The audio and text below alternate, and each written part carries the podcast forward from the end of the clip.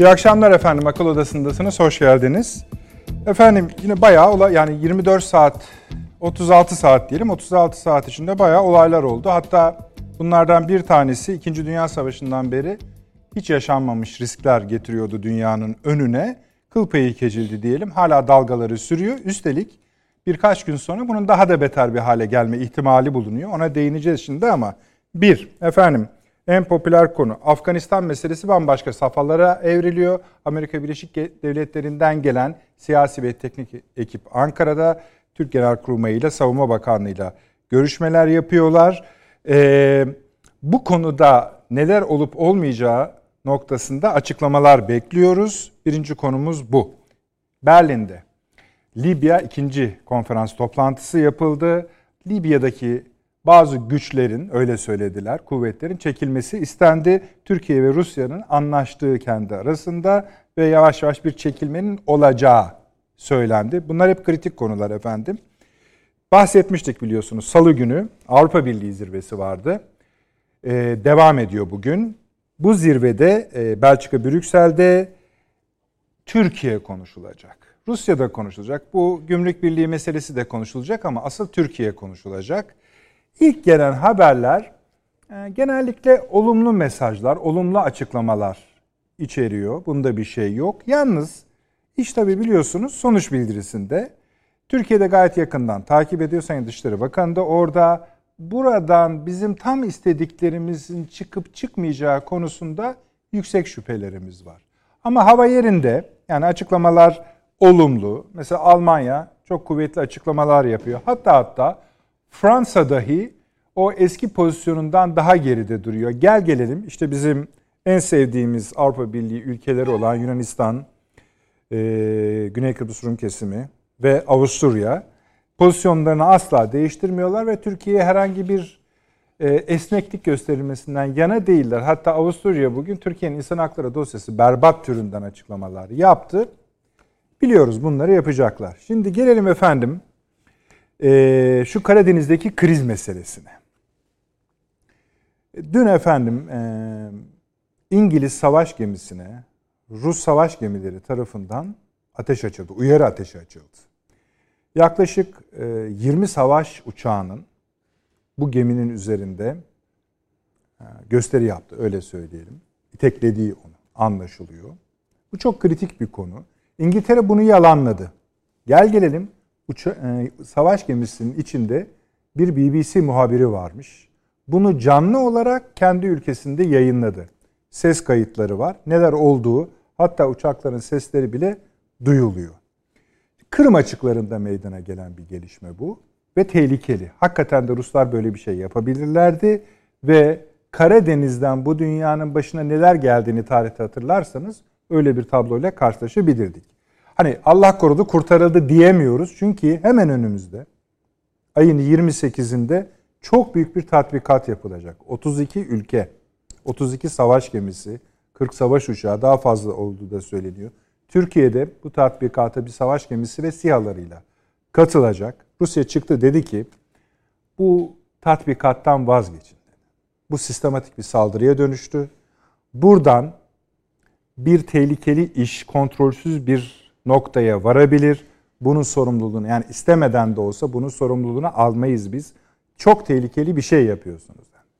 Bu açıklamadan birkaç saat sonra da bu akşam saatlerinde Sayın Cumhurbaşkanımızla Putin arasında bir görüşme gerçekleşti.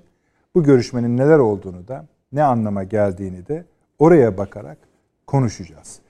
Ee, şunu da tabii arkadaşlarımız eklemişler.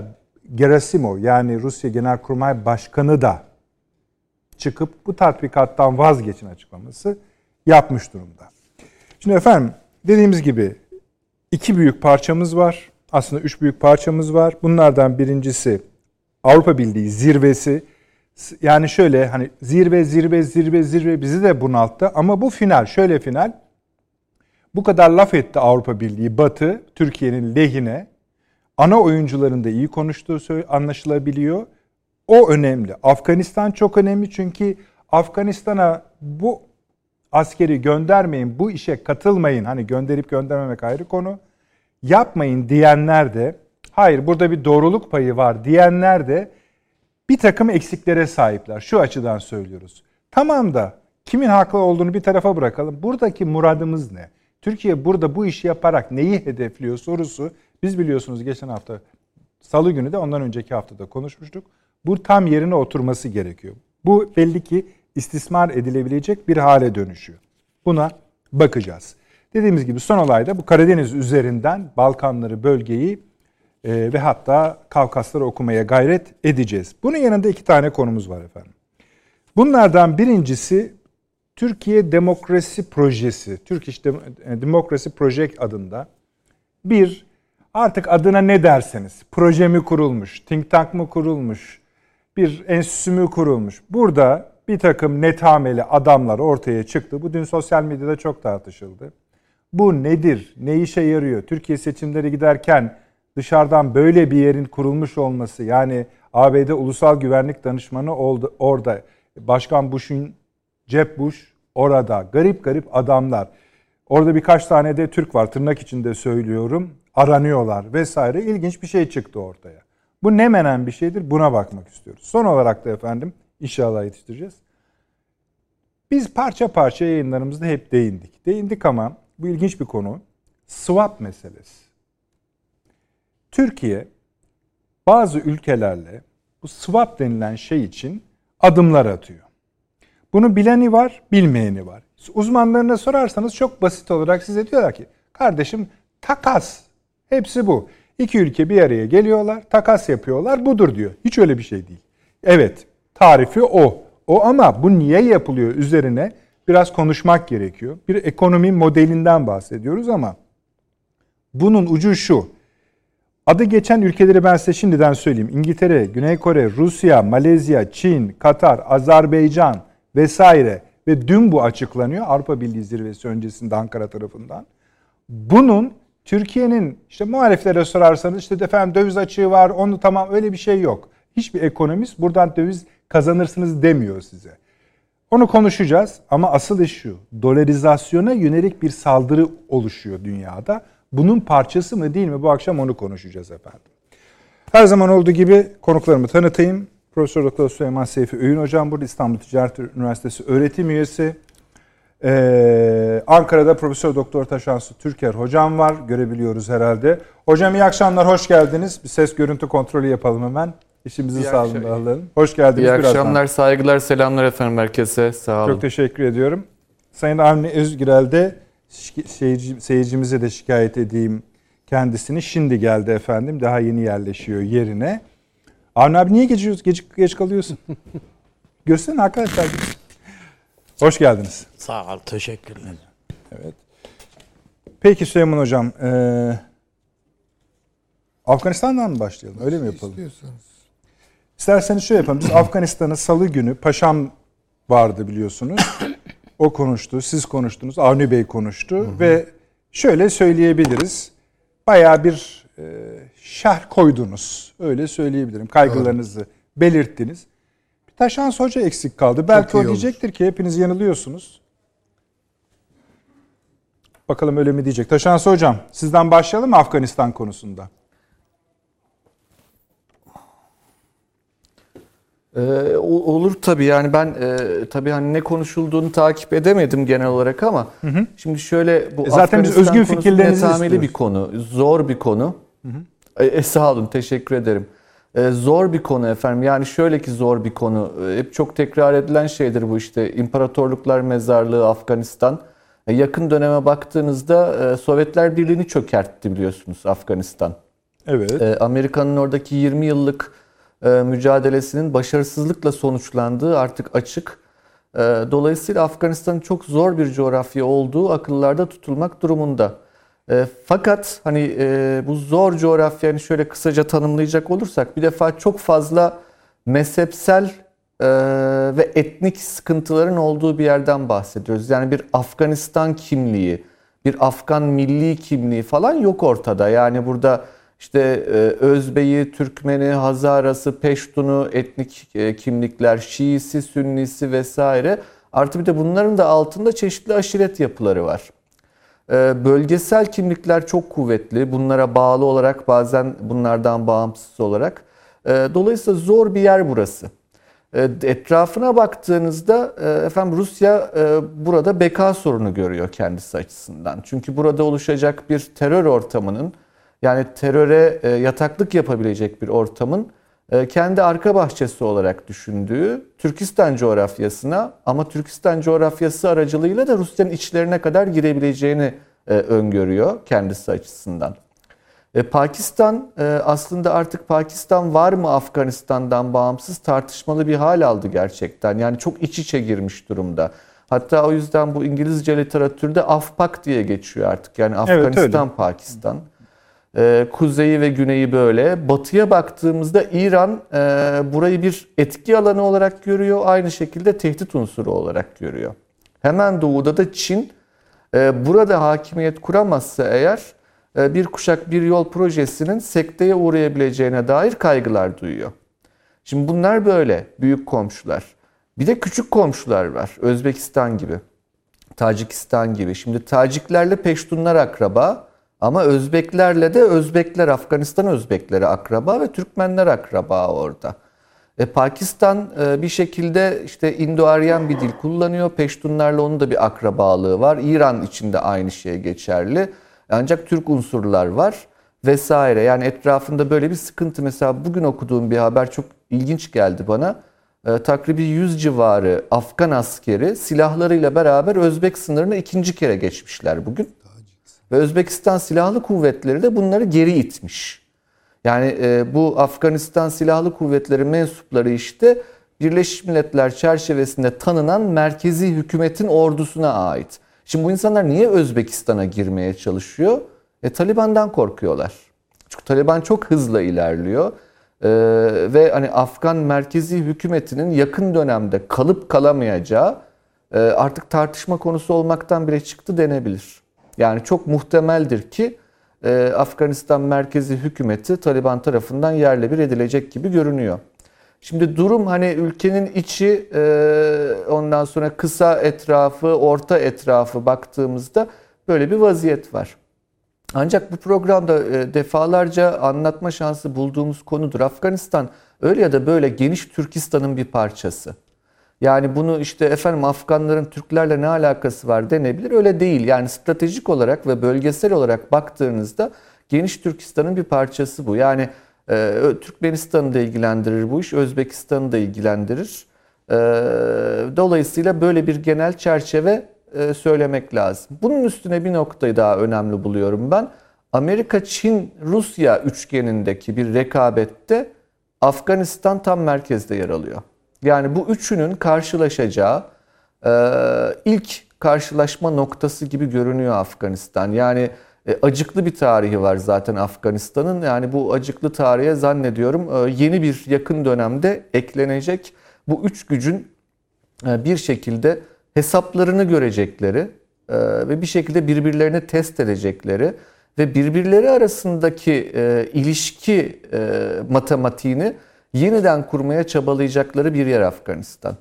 Şimdi Türkiye Afganistan dediğimizde e, efendim şu bir hakikat. Afganistan'da Türk ordusu NATO çerçevesinde 20 yıldan beri bulunuyor. Ancak hiçbir silahlı çatışmaya karışmadı bugüne kadar Türk ordusu. Çünkü orada çok hassas bir denge güttü Türkiye gerçekten. NATO içindeki tek Müslüman ordu olarak Afganistan'da bulundu ama hep anlatılan hikayedir. Silahlar aşağıya dönüktü hep Türk askerlerinde. O yüzden de e, inanılmaz bir muhabbet olduğu hakikattir. Yani bu böyle bir e, işte hamaset olarak düşünmeyin bu işi. Yani işte Afganistan'da da Türkler çok seviliyor falan diye klişe bir şey değil. Bu bir hakikat. E, ancak bu hakikat bugüne kadar Türk askerinin orada sadece yardım ve altyapı geliştirme faaliyetleriyle ilgilenmesiyle de bağlantılı olabilir. Yani herhangi bir çatışmaya girmemiş olmasıyla da bağlantılı olabilir. Ee, oranın zor bir coğrafya olacağı, yani Türk askeri için zor bir coğrafya olacağı, zor bir görev olacağı, yani havaalanının korunması e, açık. Ama hangi koşullarda zor bir görev olur bu? Eğer Taliban'la merkezi hükümet arasında e, Türk ordusunun orada kalmasına dair bir konsensüs oluşturulmazsa zor bir görev olur. Hatta belki imkansıza yakın bir görev olacaktır. Yani çünkü orada hani sadece havaalanını korumak üzerine kurulu e, bir görev e, ben gerçekten hani bu askerlerin bileceği bir iştir ama biliyorsunuz hani askeri operasyonlarda ilk başta e, görev nasıl sonlandırılacağı konuşulur. O kararlaştırılır. Yani görevin nasıl sonlandırılacağı çıkış planınız hesaplanır ilk başta. Daha sonra şeye geçersiniz. Amacım ne, misyonum ne, ondan sonra riskler vesaire. Şimdi bu çerçevede benim anladığım, yani doğrudur yanlıştır bilemiyorum. Bunun çok zor bir görev olduğu ancak yapılsa yapılsa sadece Türkiye tarafından yapılabileceği aşikar ve bu pazarlıkların sürüyor olması da e, bu görevin tanımıyla alakalı anladığım kadarıyla. Ama bu görev tanımı sadece askeri mahiyette bir tanım değil, oradaki diplomatik pozisyon da anladığım kadarıyla tartışılıyor. Şimdi bu Macaristan ve Pakistan mevzuna e, o çerçevede gelmek lazım. Hani e, Macaristan ilginç bir ülke. E, ben e, hani nasıl söyleyeyim Avusturya Macaristan İmparatorluğu'nun Dışişleri Bakanıydı Andraşi. E, Macar kökenliydi. Sanki o misyonu devralmış bir Macaristan görüyorum ben. Ama o çerçevede Almanya'yla da çok yakın ilişkileri var. O çerçevede Rusya'yla da çok yakın ilişkileri var. Macaristan'ın Çin'le de Macaristan'ın böyle bir görev gücüne tabi tabi aynı şekilde ekonomik olarak da Çin'le çok yakın ilişkileri var Macaristan'ın. Yani bu şu an hani orada e, şey vardı bu Soros'un bir okulu vardı e, Central European University onu kapattı mesela Orban. Onun yerine e, bir Çin üniversitesini koydu aynı yere. Onu aç, açtı falan hatta büyük gösteriler oldu. Çünkü e, Budapeşte Belediye Başkanı muhalif lider olarak görülüyor şu an Macaristan'da. Yani hem Almanya ile hem Rusya ile hem Çin'le e, çok komplike ilişkileri olan bir ülkeden bahsediyoruz. Pakistan'a geldiğimizde Pakistan hem Çin'le çok yakın ilişkileri var hem de dediğim gibi bu Afgan Taliban'ı, Pakistan Taliban'ı vesaire ancak birbiriyle geçişkenliği olan yapılar bir şekilde Pakistan istihbaratının da çok uzun sürelerden beri yani 78'den 79'dan bu yana Afganistan'ın içinde çok etkin olduğu biliniyor. Ancak tüm bunlar e, dediğim gibi bizim henüz çok da bilemediğimiz e, çerçeveyi e, anlama konusunda bize yardımcı olmuyor. Buyurun Nedret Bey. Çok kısa bir şey ekleyeceğim size. Siz yani konuşurken onu paylaşma ihtiyacı duydum. Buyurun. Bu asıl soruya geldiğinizin farkındayım. O soruyu da ekleyeceğim sonuna. Bakın Macaristan'da gelecek yıl bir seçimler yapılacak. 6 tane aday var şu anda Macaristan'da.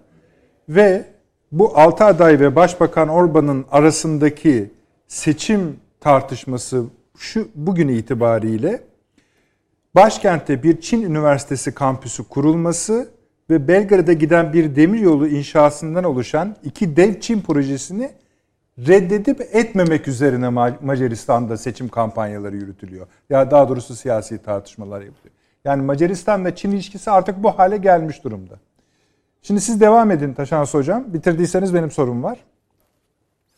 Ee, yok yok ee, şöyle bu çok önemli bir mevzu ee, Nedret Bey bu hani yan bir parantez içinde girelim buna. Şimdi Macaristan'da seçim sistemini değiştirdi Orban.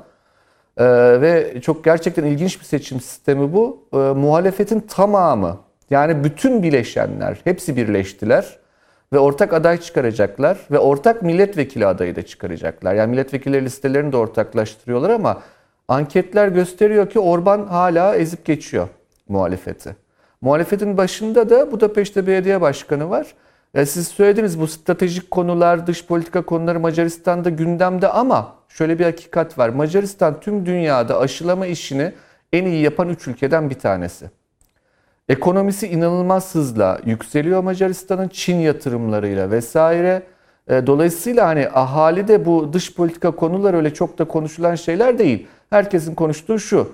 E, efendim aşılamayı becerdik. Ekonomimiz açık. Ekonomimiz yükseliyor. Nükleer tesisimizi Rusya yeniliyor. Çin yatırımları geliyor, Almanya'dan yatırım geliyor. Yani orada bir acayip bir şeyler oluyor. Ve onun baktığınızda Slovenya ve Sırbistan'la ciddi bir yakınlığı var. E, her ikisinde de Çin etkisi var. E, zaten bu Çin büyük güç artık Avrupa'nın içlerine kadar girdi cümlesini işte bu çerçevede söylüyorduk. Bu parantezi kapatayım. Şimdi Macaristan ve Pakistan sözü edildi e, ancak arkası gelmedi. Şu an bildiğim kadarıyla sadece Türkiye ve Amerika arasında bu görüşmeler devam ediyor Afganistan'a dair. Şimdi o noktada da benim anladığım hani iş birazcık detayların netleşmesiyle e, bizlerin de üzerine konuşabileceği bir yere gelecek. Ancak hani çok net olarak şunu söylemek lazım. E, yani e, bu çok riskli, riskli bir coğrafya burası. Ben hani birkaç hafta önce ısrarla söylemiştim. Hani bir Mehmetçiğin saçının teli bizler için çok kıymetli. Ancak bir de bazı hakikatler var ki bazen de büyük güç olmak istiyorsanız bazı riskleri almak durumundasınız. Ha. Tamam. Bu risklerin ne kadar büyük olduğu, ne kadar küçük olduğu işte o hem askeri elitlerimizin çok iyi çalışmalarıyla yani kurmay düzeyinde bir değerlendirmeye muhtaç hem diplomatik düzeyde bir değerlendirmeye muhtaç ve bunların hepsinin toplamından bir siyasi karar çıkacaktır. Ee, evet. Bu risklerin olmadığını söylemek efendim abesle iştigal. Riskler var e, ancak hani riskler var diye e, tamamen gündem dışı bırakmak herhangi bir dosyayı eğer kazanımlarınız olacaksa e, o da yanlış olacaktır. Dolayısıyla şu an için bence hepimizin e, beklemesi gereken şey bu görüşmelerin sonucu. Yani çünkü bilmiyoruz, görevin tanımını bilmiyoruz. E, bu görevin tanımı e, aynı zamanda ilişkileri de belirleyecektir. Ee, yani ondan sonra ben daha sağlıklı bir değerlendirme yapabileceğimiz kanaatindeyim Afganistan'a dair. Hocam, yani bu görüşmelerden görevin tanımını bekliyorsunuz ama buradan o kadar bence dolgulu bir şey yani hı hı. volümü yüksek bir şey beklemeyin. Dolgun bir şey beklemeyin. O askeri bir tarif çıkabilir. Asker belki hani benim hedefim tam neyi hükümetten, iktidardan talep eder ayrı konu ama o biraz araziyedir. Yani sıkıştığımız yer şurası bakın. Karşı çıkanlar şuna karşı çıkıyorlar. Bir, yüksek risk taşıyor. Eyvallah. Şimdi şunları da söyleyeyim. Bakın Avrupa Birliği, Rusya ve Amerika Birleşik Devletleri istihbaratı son 24 saat içinde Afganistan'da yaşanan değişimin inanılmaz çapta bir depreme neden. Yani buradan bu askerlerin ayrılıyor olması bütün Afganistan'da büyük bir hareketlilik yaratmış durumda. Ruslara sorarsanız onların söylediği şu iç savaş geliyor. Yani son asker çıktığı anlamı iç savaş. Hı hı. Amerikan istihbaratı diyor ki şu an yani görünen rakam 70 ilçeyi, ilçe merkezini ele geçirdikleri. Hatırlayacaklardır. Salı günü 30 küsürdü. Yani 24 saatte, 48 saatte değişen rakam bu. Aynı şeyi Avrupa Birliği deprem olarak tarif ediyor. Yani burada bir deprem geliyor diye. Bunu söyleyip buradaki riskleri söyleyebilir, şey yapabilirsiniz. Öteki taraftan bir de şöyle tabii yorumlar yapılıyor. Efendim Libya'ya itiraz etmiyorsunuz. Kavkasya'ya itiraz etmiyorsunuz. Suriye'ye itiraz... Tamam işte sorun orada zaten. Burada tam hedefimizin ne olduğu, istediğimizin ne olduğu belli mi? Diyorsanız ki siz ABD, Çin, Rusya'nın bir blok yerine giriyorsunuz. Bir hap noktasıdır bu stratejik bağ noktasıdır. Burada olmak gerekiyor. Tamam konuşalım. Bunun dışında bir şey var mıdır efendim sizin gördüğünüz? Ee, var, var efendim Buyurun. var. Türkiye'de kimsenin bahsetmediği, niyeyse bizim Türkiye'de insanların bahsetmekten hep kaçındığı bir hakikattir. Efendim bu coğrafya Türk vatandaşlarına ait. Yani bizim anayasamızın söylediği buranın vatandaşı olan herkese ait. Ama aynı zamanda tüm dünyanın Türklerinin de vatanıdır burası. Onlar da gözünü buraya dikmişlerdir. Şimdi Afganistan'da çok ciddi bir Türk nüfus olduğunu, bizim böyle gözümüzü kapatamayacağımızı Afganistan'a bir hatırlatmakta fayda görürüm ben. Yani hem Özbek nüfus Kuzeydoğu'daki hem Türkmen nüfus. Şimdi bu nüfus e, gözün Türkiye'ye dikmiş durumda. Buraya bakıyor. Yani e, şimdi havaalanı konusu eninde sonunda çok içinden çıkılmaz bir noktaya gelirse eğer Afganistan o insanların kanalıdır, çıkış kanalıdır.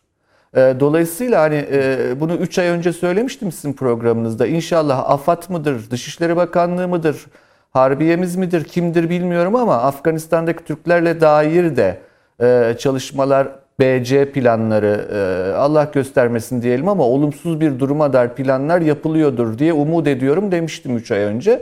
Ben hala aynı noktadayım. Bakın efendim bu şöyle söyleyeyim kategorik olarak ben buna karşıyım. Yahut kategorik olarak ben bunun taraf, taraf, taraftarıyım demek e, bizlerin yapabileceği bir şey değil. Şu açıdan değil. Ya bilmiyoruz çünkü. Görevin tanımını bilmiyoruz. Hangi diplomatik temel üzerine oturtturuluyor onu henüz bilmiyoruz. Tam da söylemeye çalıştığım şey bu. E, evet e, bunun Türkiye faydaları olacaktır. hiçbir şey olmadı. Dediğim gibi Afganistan'daki Türk nüfusa dair Türkiye'ye faydaları olacaktır. Ee, hiçbir şey olmadı. Stratejik dengede Türkiye'nin daha görünür olmasını ve pek çok yerde sözünün ağırlığının artmasını sağlayacaktır. Ama karşıdaki riskler de ortada. Şimdi o e, fayda maliyet analizini yapabilmemiz için bizim o teferruata ihtiyacımız var. O yüzden hani e, ben bir akademisyen olarak en fazla Peki. kategoriler üzerine konuşabilirim. O teferruat bende olmadığı için. E, onu da yapamıyorum e, çünkü kategorik olarak o da yanlış bu da yanlış. Yani o Peki teferruatı hocam. beklemek durumundayız. Ben en azından kendi adımı öyle görüyorum. Peki hocam. Süleyman hocam niye teferruatları bilmeden yorum yapıyorsunuz? Ee, yani teferruatlar tabii ortaya çıktıkça fikirler değişebilir. Ee, yani veriler değişebilir. Belki biraz metodoloji, metodolojik olarak farklı e, bakıyorum. E, ben önce bir zihnimde kuruyorum. Yani sonra yanılabilirim tabii ki. Gayet. Yani bir orada bulunmamızın e, çeşitli Türkiye'ye kazandırabileceği fırsatlar ortaya çıkar. Orada bir tutunum sağlayabilir Türkiye, bir destek görebilir. Bunlar tabii ki zihnimdeki senaryoyu değiştirebilir. Ama benim e, gördüğüm, net olarak gördüğüm Afganistan, ne Libya, ne Suriye, ne Irak, hatta ne de Somali. Somali. Yani Türk askerinin ayağına ayağını bastığı dünya coğrafyalarından herhangi biri değil. Orada çok başka bir iklim var, çok başka bir e, dizi yapı var. Belki benzeştirebiliriz işte aşiretler, şunlar bunlar, etnik yapılar, çeşitlilik vesaire ama orada devasa büyüyen, Hafter'in ordusuna benzemeyen, böyle adeta Afganistan toprağını baştan başlayarak e, süren bir Taliban var. Ve bunun şakası yok. Bunun şakası yok. Yani e, gidişatta Afganistan'ın Taliban'a terk edilmiş olduğu gerçeği. Şimdi Taliban e, Amerika Birleşik Devletleri'ni yenilgiye uğrattım diyor. Ve Amerika gıkını çıkarıp buna bir şey söyleyemiyor. Mevcut rejimi açık hedef haline getiriyor. Zaten siz söylediniz işte 700 şey 75 e, köyü, kasabayı 70 evet. Evet ele geçirdi. Kuzeye hasar veriyor Kuzeydoğu'ya. Benim son okuduğum bir haber. Yaklaşık 500 e, Raşit dostum askerinin öldürüldüğü Öldü. yolunda. Yani bunlar ağır gelişler. İşin tuhafı ne biliyor musunuz? Amerika çekilirken teçhizatını bunlara bırakıyor. Bir şey daha söyleyeyim bak. Bu da bugünün haberi. Wall Street evet. Journal'da diyor ki Amerikan istihbaratı en iyi senaryo şudur. 6 ayda Kabil yıkılır. Elbette Önünde tabii. yani. Yani zaten Kabil rejiminin aşağı yukarı tutunduğu ya 75 kilometre bir çapın içinde. Ve buradan düşüyor o küçük köyler, kasabalar. E geliyor adamlar yani. Şimdi daha ileri bir şey söyleyeceğim. Taliban açıklama yaptı. Bakın son açıklaması şu Taliban. Benim izleyebildiğim kadarıyla. Amerika'yı yenilgi uğrattık, gidiyorlar. Ee, mevcut rejimi tanımıyoruz. Hiçbir pazarlığa girmeyeceğiz ve o rejimi tasfiye edeceğiz. Bana Saigon günlerini hatırlatıyor yani kusura bakmayın. Evet, Vietnam'daki geçen program ya evet yani çok doğru hakikaten. Saigon günleri. Hı. Ve şu an yalvar yakar Kabil'dekiler Amerikalıya biz de götürün bunlar bizi kesecekler falan diyor bu adamlar. Ruslar NATO kalsın diyor. Düşünün ha, yani. yani. Hal o haldir ha, yani. Hal o hal. Türkiye'yi ima ederek belki de altını çizerek söylüyorlar işte işte Türkiye havaalanı falan efendim adı ne olursa olsun açık hedefimizdir. Hal bu. Şimdi İmrat Han ne diyor? Pakistan'da demin Taşan Hoca konuşurken aklıma geldi. Diyor ki eğer mevcut rejimle Taliban arasında bir şey oluşturamazsak bir e, hükümet, ortak hükümet biz bu meseleye girmeyeceğiz diyor. O da açıkça onu söylüyor. Macaristan'ı bilmiyorum yani gelebilir. Bir, bir miktar sembolik asker gelebilir filan. Şimdi açık hedefteyiz yani bunu görelim. Bunu görelim. Ama inşallah bu gidişatı tersine çevirecek bir şeyler oluyordur. Onu bilmiyorum yani mesela Türkiye Mesela ile Amerika Birleşik Devletleri kalıyordur. şimdi ona ayrıca geleceğim de hani Türkiye ile Taliban arasında Taliban'ın e, resmi yetkilileri artık neyse kendilerine göre bir şey vardır, bir temas vardır. Cumhurbaşkanı söyledi. Ha, söyledi ya. altı dolduruluyordur bu işin. Ona da ne kadar güvenilir onu bilmiyorum. Bakın onu bilmiyorum. Şimdi şu sorunun cevabı bulunamıyor benim açımdan. Niye oradayız biz? Şimdi tamam orada Türkler var. Tabii ki Türkistan'a yakın olacağız. Eğer tutturabilirsek gerçekten orada Türkiye bir e, ne bileyim işte Libya'da olduğu gibi ayağına bir yer edebilirse sağlam bir yere fevkalade tabii ki. Ama bunu Türkiye'ye yar et- edeceklerine ne ihtimal veriyor musunuz? Ben pek vermiyorum bugünkü bugüne kadarki gidişat üzerinden. Şimdi demek istediğim şey şu. Ee, söylemek istediğim şey şu. Ee, NATO çekiliyor mu efendim oradan? Çekiliyor değil mi? Evet ama son zamanlarda hani çekilmese mi acaba? Yavaş mı çekilse? Bir kere zaten Amerika e, Afganistan'ın ücralarında Taliban'la anlaşarak Çin'e daha yakın olmak kaydıyla belli üsleri muhafaza ediyor. Bir kere bu açık. Oradaki donanımını tıpkı şeyde gibi yağmaya açmış. Yani çekilirken unutuyor. Bir kısmını mevcut rejim alıyor ama önemli bir kısmına Taliban oturuyor. Ha? Niye havaalanı bu kadar önemli? İşte gerektiği zaman tahliye olacak. Demek ki gerekecek bu. Yani oralar yanacak yani.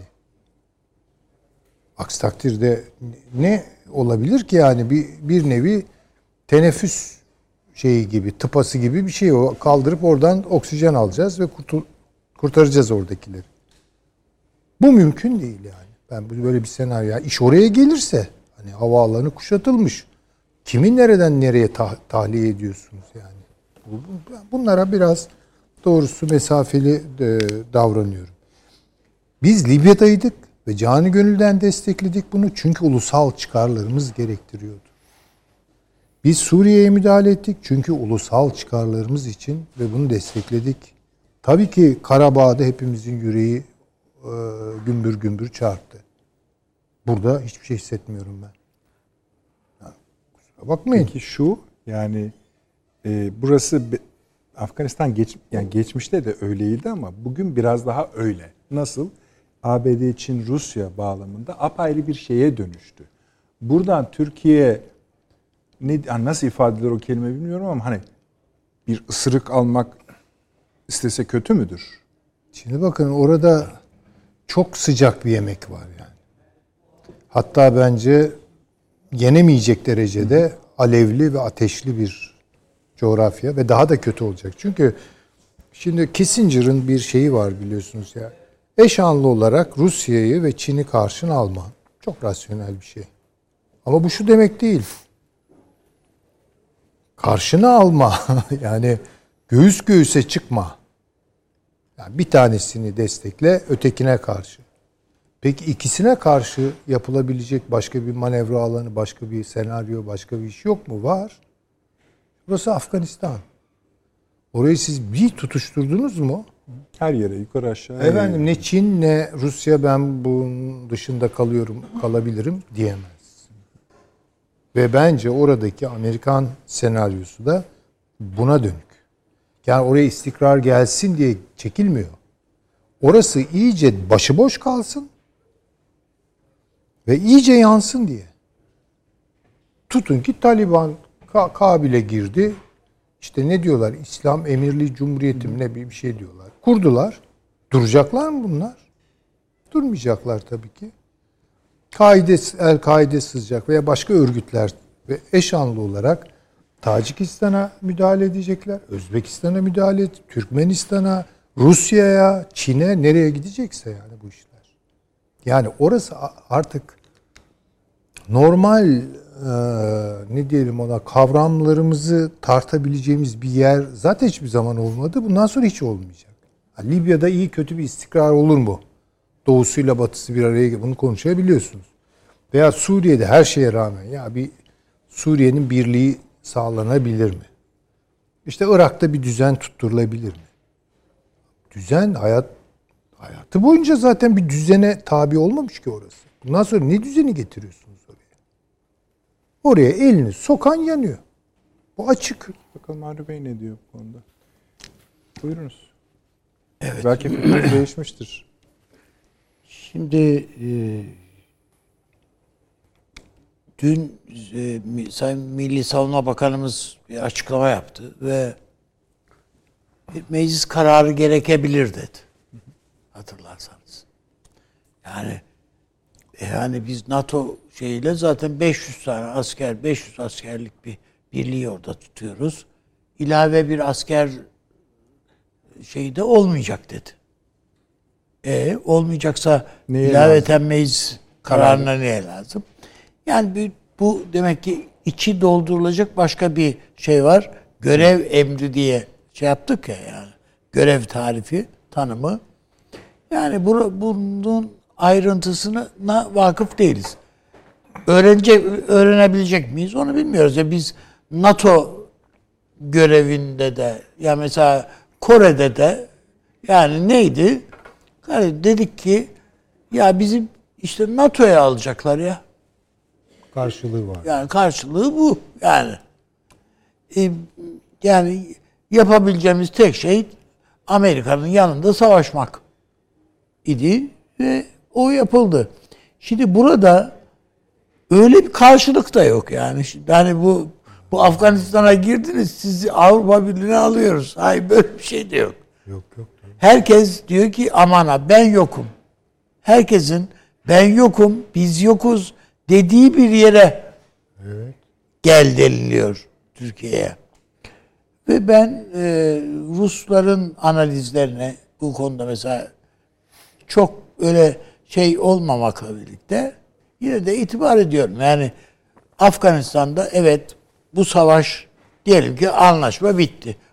Yani e, Kabil'de Kabil hükümeti de yıkıldı. Onu da bunlar ele geçirdiler. Yakında böyle olacak. Gelip teslim alacaklar filan filan filan. Şimdi kardeşim her şeyi bizim kontrolümüze girdi. Dolayısıyla iş bitti.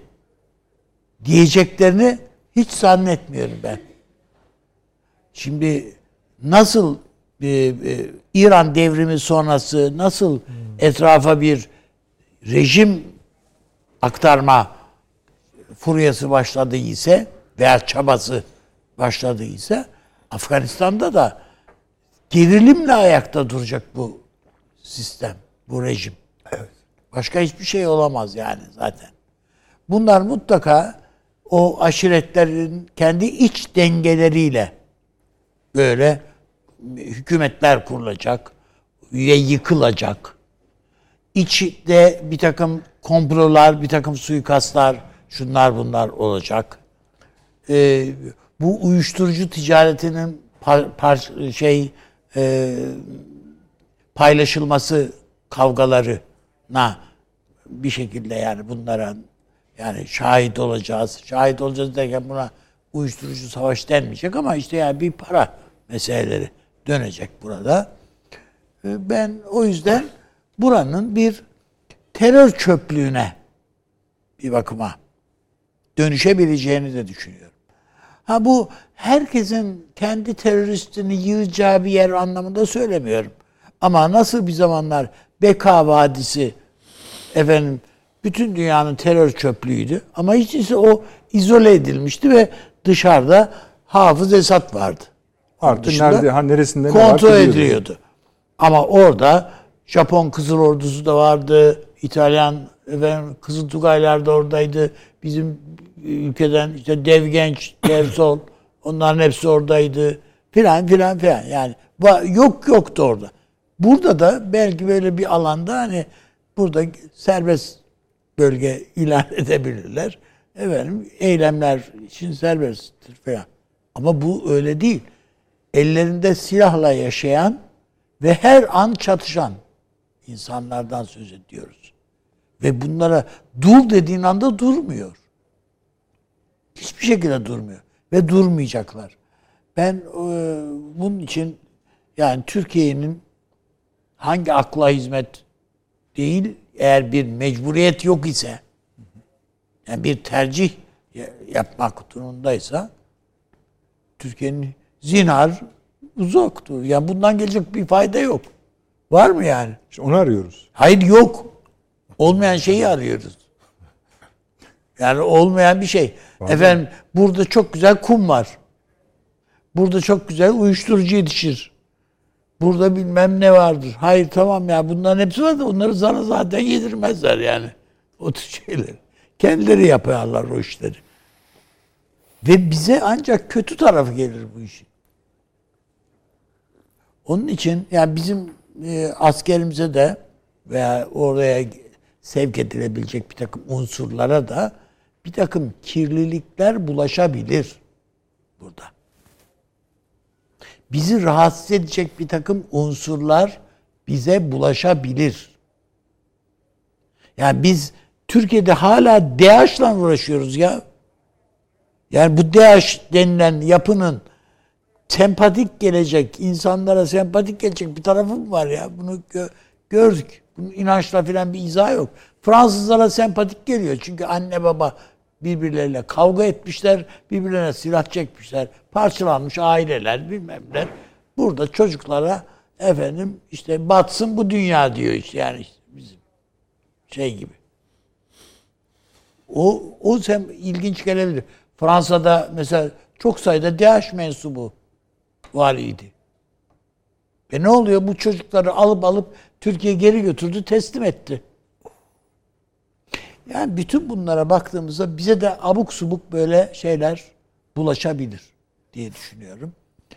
Ee, ya başka Yani- şeyler de var da yani onu söylemek istemiyorum. Ben onu Ne? Afganistan'a Afganistan tarihinin de- de- den Canım şey yapan bilinmeyen şey mi var?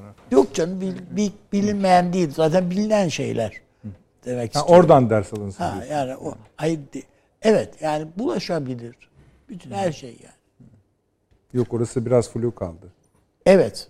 Reklam arasında söylerim sana. Çin Çin önemli. Bakın Çin açısından değerlendirelim. Şu an Afganistan'da ayakta duran ekonomik yapılar tabii uyuşturucu işini kastetmiyorum da hani mesela madenlerin işletilmesi gibi vesaire. Hepsi Çinlilerin elinde. Ve Taliban buna hiçbir şekilde itiraz da etmiyor. E tabii. Bu şu demektir Neyine yani? Çin'le Taliban arasında bir bağ var.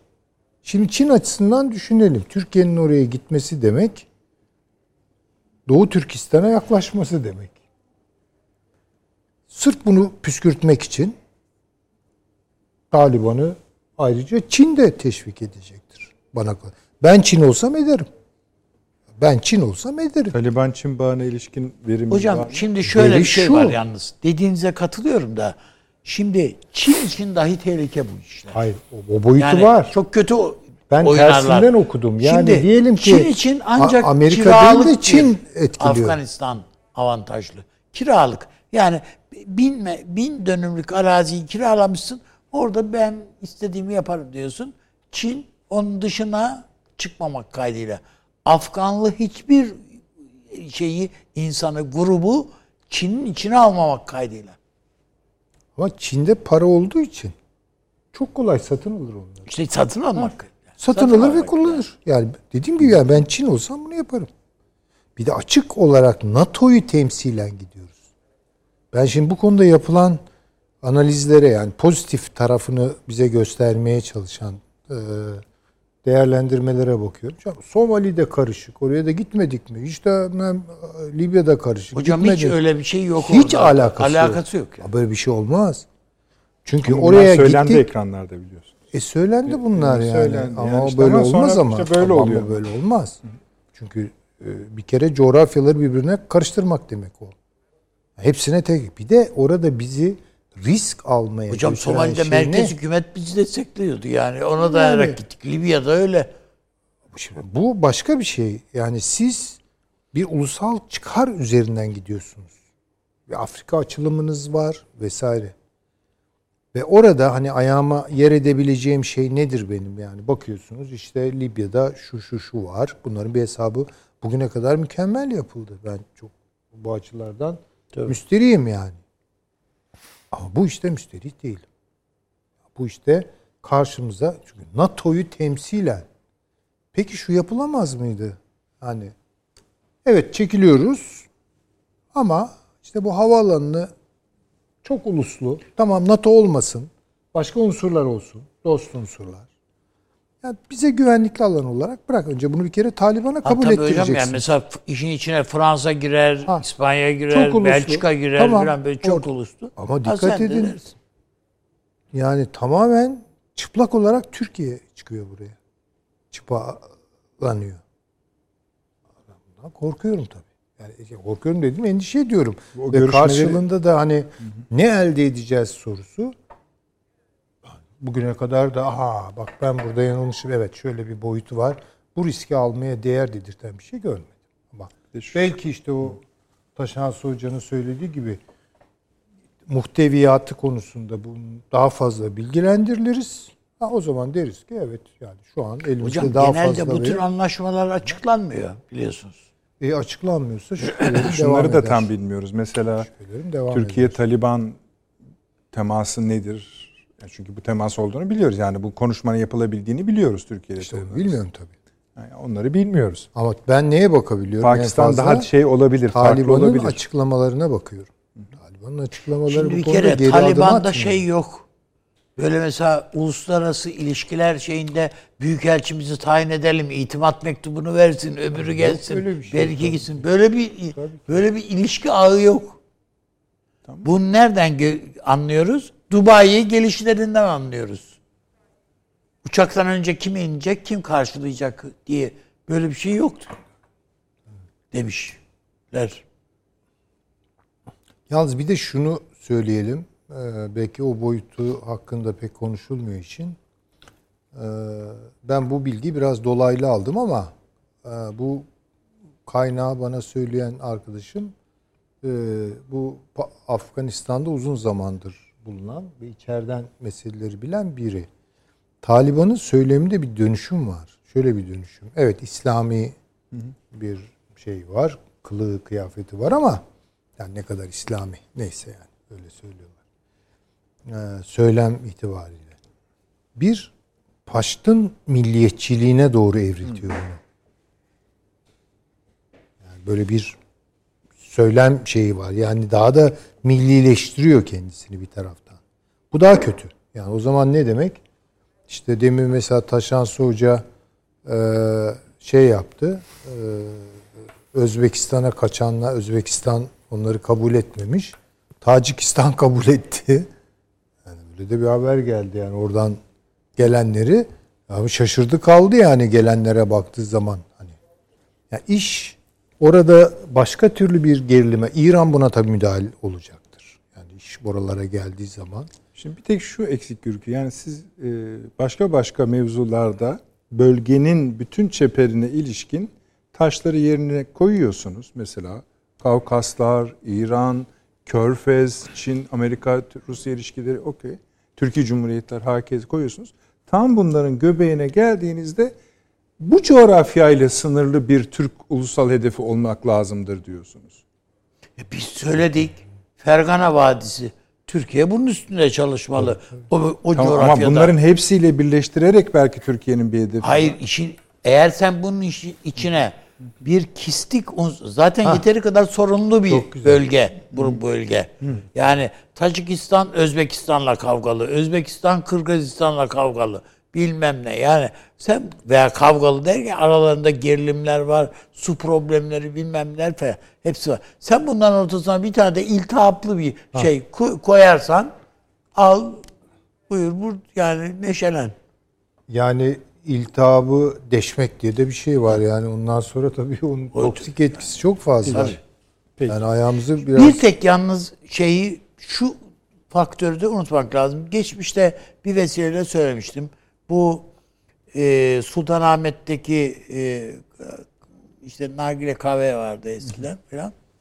Efendim e, orada bir Taliban Bulgaristan'da Taliban'ı temsil eden genç birisiyle tanışmıştım. Ee, ben ilk defa bir Harvard mezunu bir Taliban ve şaşkınlık içerisinde konuştum yani. Hiç unutmuyorum. Peki. Yani bu böylesi de var yani o ta- yani tam bunlar Ama işte o çok- cahil cühela takımı değil yani. Yani Kendine Taliban göre bir şeyleri var. Taliban olan bir Taliban değil o. Taliban'ın tabii içindeki canım, bir evet. başka bir Ama şey. o da var. Taliban. Yani talebe olarak bakın nerelere Yani gitmiş nerelere, yani. doğru. Taşansı hocam. ee, çok kısa buraya kadar alabilirim ama çok kısa. Ya kısa kısacık bir şey ben e, 20 yıl evvel Rusya'da doktora yaparken e, çok bir 70 yaşını aşmış bir hoca e, enstitüye gelir gider görüyordum onu. Böyle omuzlar düşük, mutsuz, yani tam bir münzevi hayatı, böyle eski Sovyet profesörü vesaire diye düşünüyordum. Bir gün bizim oradaki direktöre sordum enstitünün direktörüne. Hocam dedim bu kim, ne, niye bu kadar mutsuz bu adam? O dedi Afganistan uzmanı. Hala dedi kendisini affedemiyor. Ee, Biz de onu affetmiyoruz. Rusya'nın Afganistan'a müdahalesine dair. Çünkü çok başarısızdı.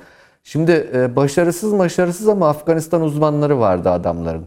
Yani e, dolayısıyla bizde bu işleri bilenler sadece bizim askeriye ben yanlış bilmiyorsam eğer e, oradan gelecek haberleri ben çok önemsiyorum. O anlamda ben bilmiyordum Avni Bey söyleyince şimdi duydum. Hani bir meclis kararı gerekir cümlesi Sayın Savunma Bakanı'nın çok önemsedim ben o cümleyi. Gerekir demedim. Ee, Gerekebilir dedi. Gerekebilir. Hah, gerekebilir.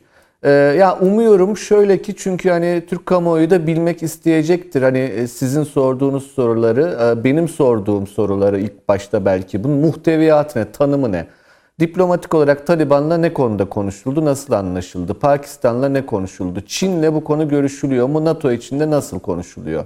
İşte işin askeri tarafı bunun şey sınırları nedir, kaç kilometre karedir, etrafında ne kadarlık bir boş alan vardır, tahliye planı nedir vesaire.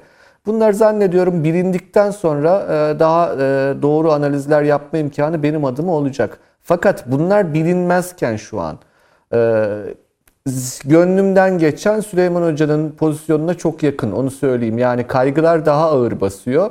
Ama orada da şunu söylüyorum sonra kendime. Ya ben bu kadar kaygılanıyorsam herhalde e, yani bizim kurmaylarımız da e, bu kaygıları benden daha iyi bilirler. E, Yani bu adımlar atılıyorsa eğer diye düşünüyorum. Peki Bilemiyorum hocam. ama o yüzden hani ben de e, herkes gibi şey bekleyeceğim. Yani nedir bu? Nedir? Peki hocam. Yani içerik nedir? Onu bekleyeceğim. Çok teşekkür ediyorum. Ee, biraz sonra efendim e, bu projeyle huzurlarınızda olacağız. İyi değil mi Süleyman Hocam? İşte bir demokrasi projesi. Ha, büyük Ha. bir proje. Ondan sonra ne menen bir şeydir ona bakacağız. Bir reklamımız var hemen geliyoruz.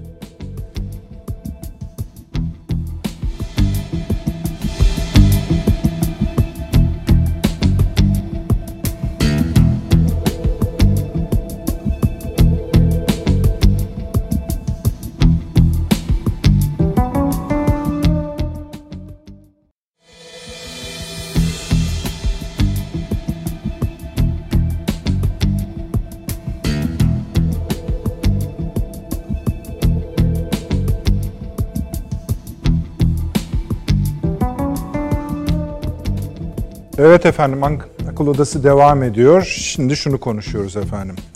Diyebiliriz ki ABD'de Türkiye düşmanları bir araya gelerek bir dernek kurdular. Efendime söyleyeyim işlerinde eski ulusal güvenlik danışmanı John Bolton hatırlayacaksınız post bıyık. Eski Florida valisi Jeb Bush. Baba Bush'tan hatırlayabilirsiniz. FETÖ'den aranan bir takım simalar. Ve bunu da böyle gayet şişinerek başka isimler de var. Onları da paylaşacağız şimdi konusu geçtikçe. Şişinerek sosyal medya hesaplarından gurur duyarak paylaştılar. Ve dediler ki Türkiye'de alarma geçmenin vakti. Nedir o vakit? Ona da bakacağız. Şunları uyduruyorlar ama hani işte Türkiye NATO'ya sırtını dönüyor. Rusya ile kucaklaşıyor dedikleri laflar bunlar. Ee, öyle bir durum zaten yok da. Şimdi bunun ne faaliyeti olduğu konusunda bir şeyler söyleyebiliriz. İsim de koyabiliriz. Ama bu akşam belki bir kulvara taşımakta fayda var.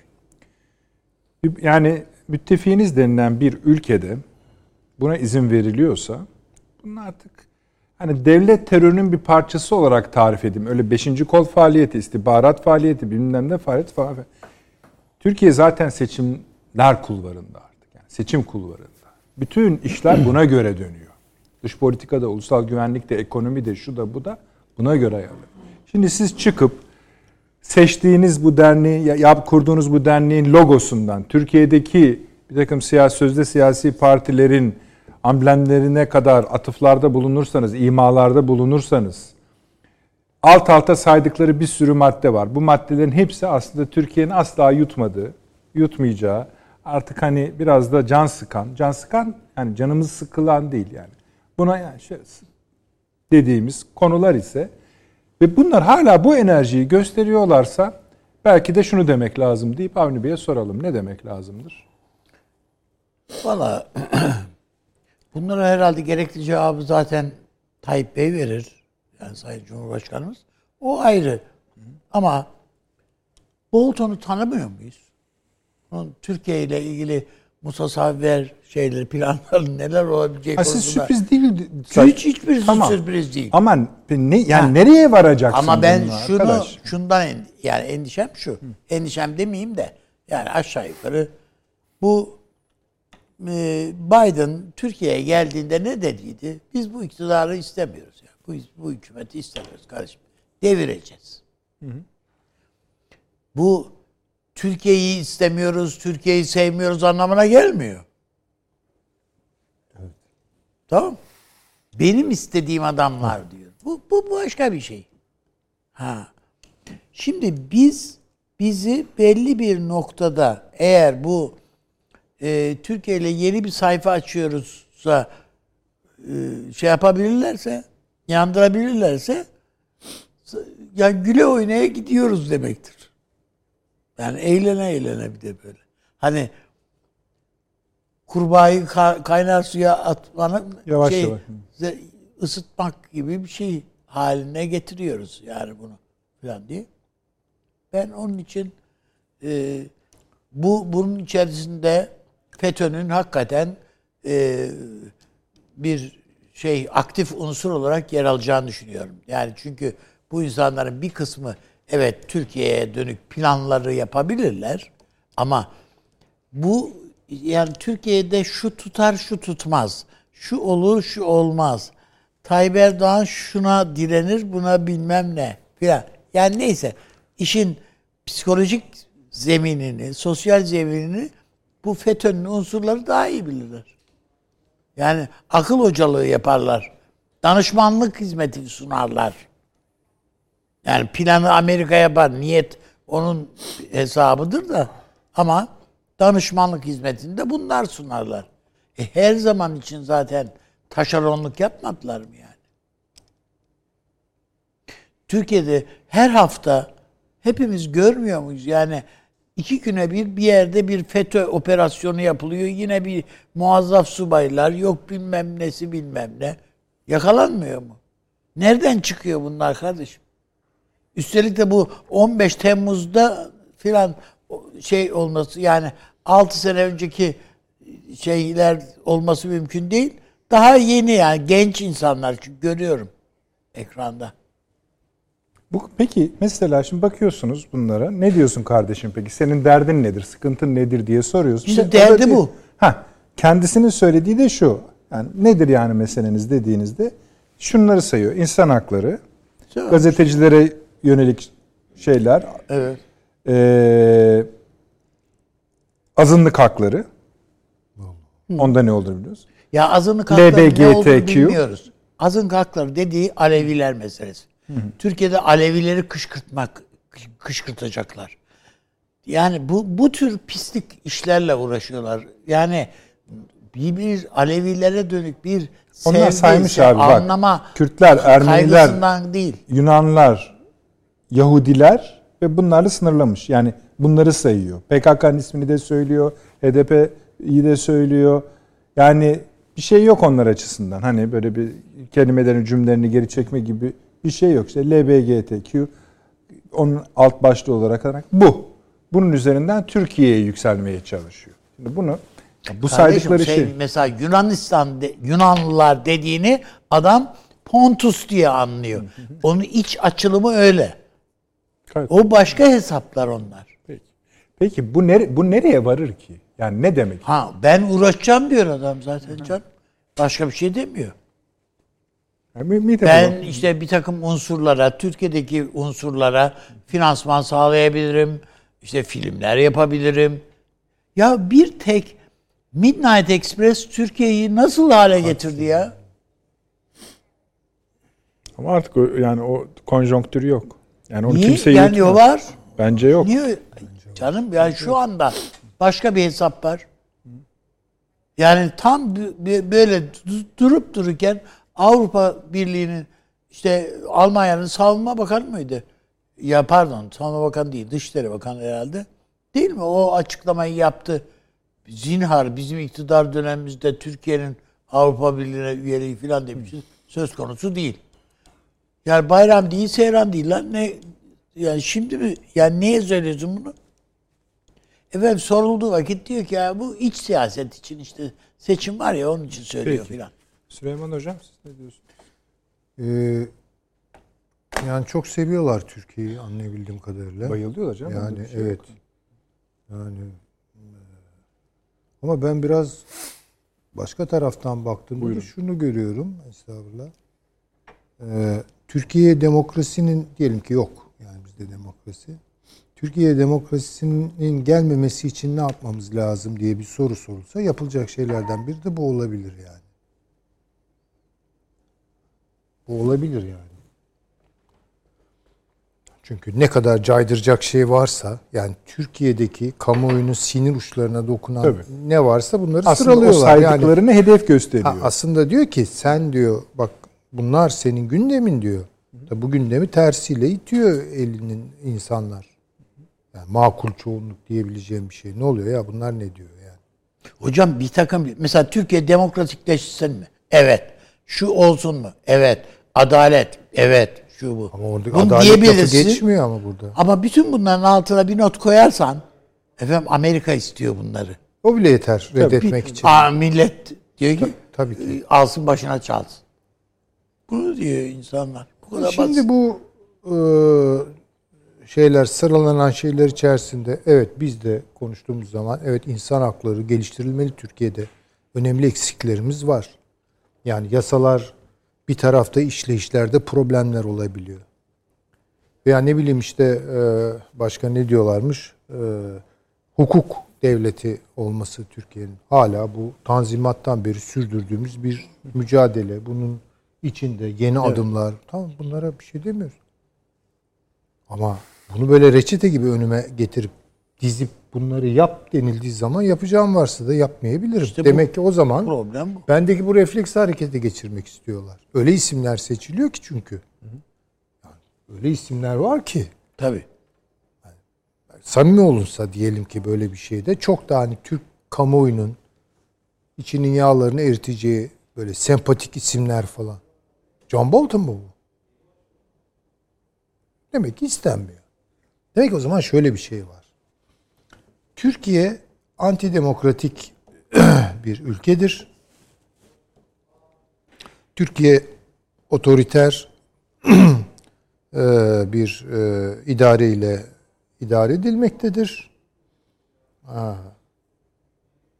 Bunu bir kere kabul et. Bunu kabul et. Çünkü siz bu önünüze konan şeyi ittiğiniz zaman işte değil mi? Bunlar zaten yani demokrasi falan istemiyorlar. Kere bu rolü bize benimsetmek. Yani antidemokratik bir ülkedir Türkiye. Bunu kabul ettirmek için bunlar söyleniyor.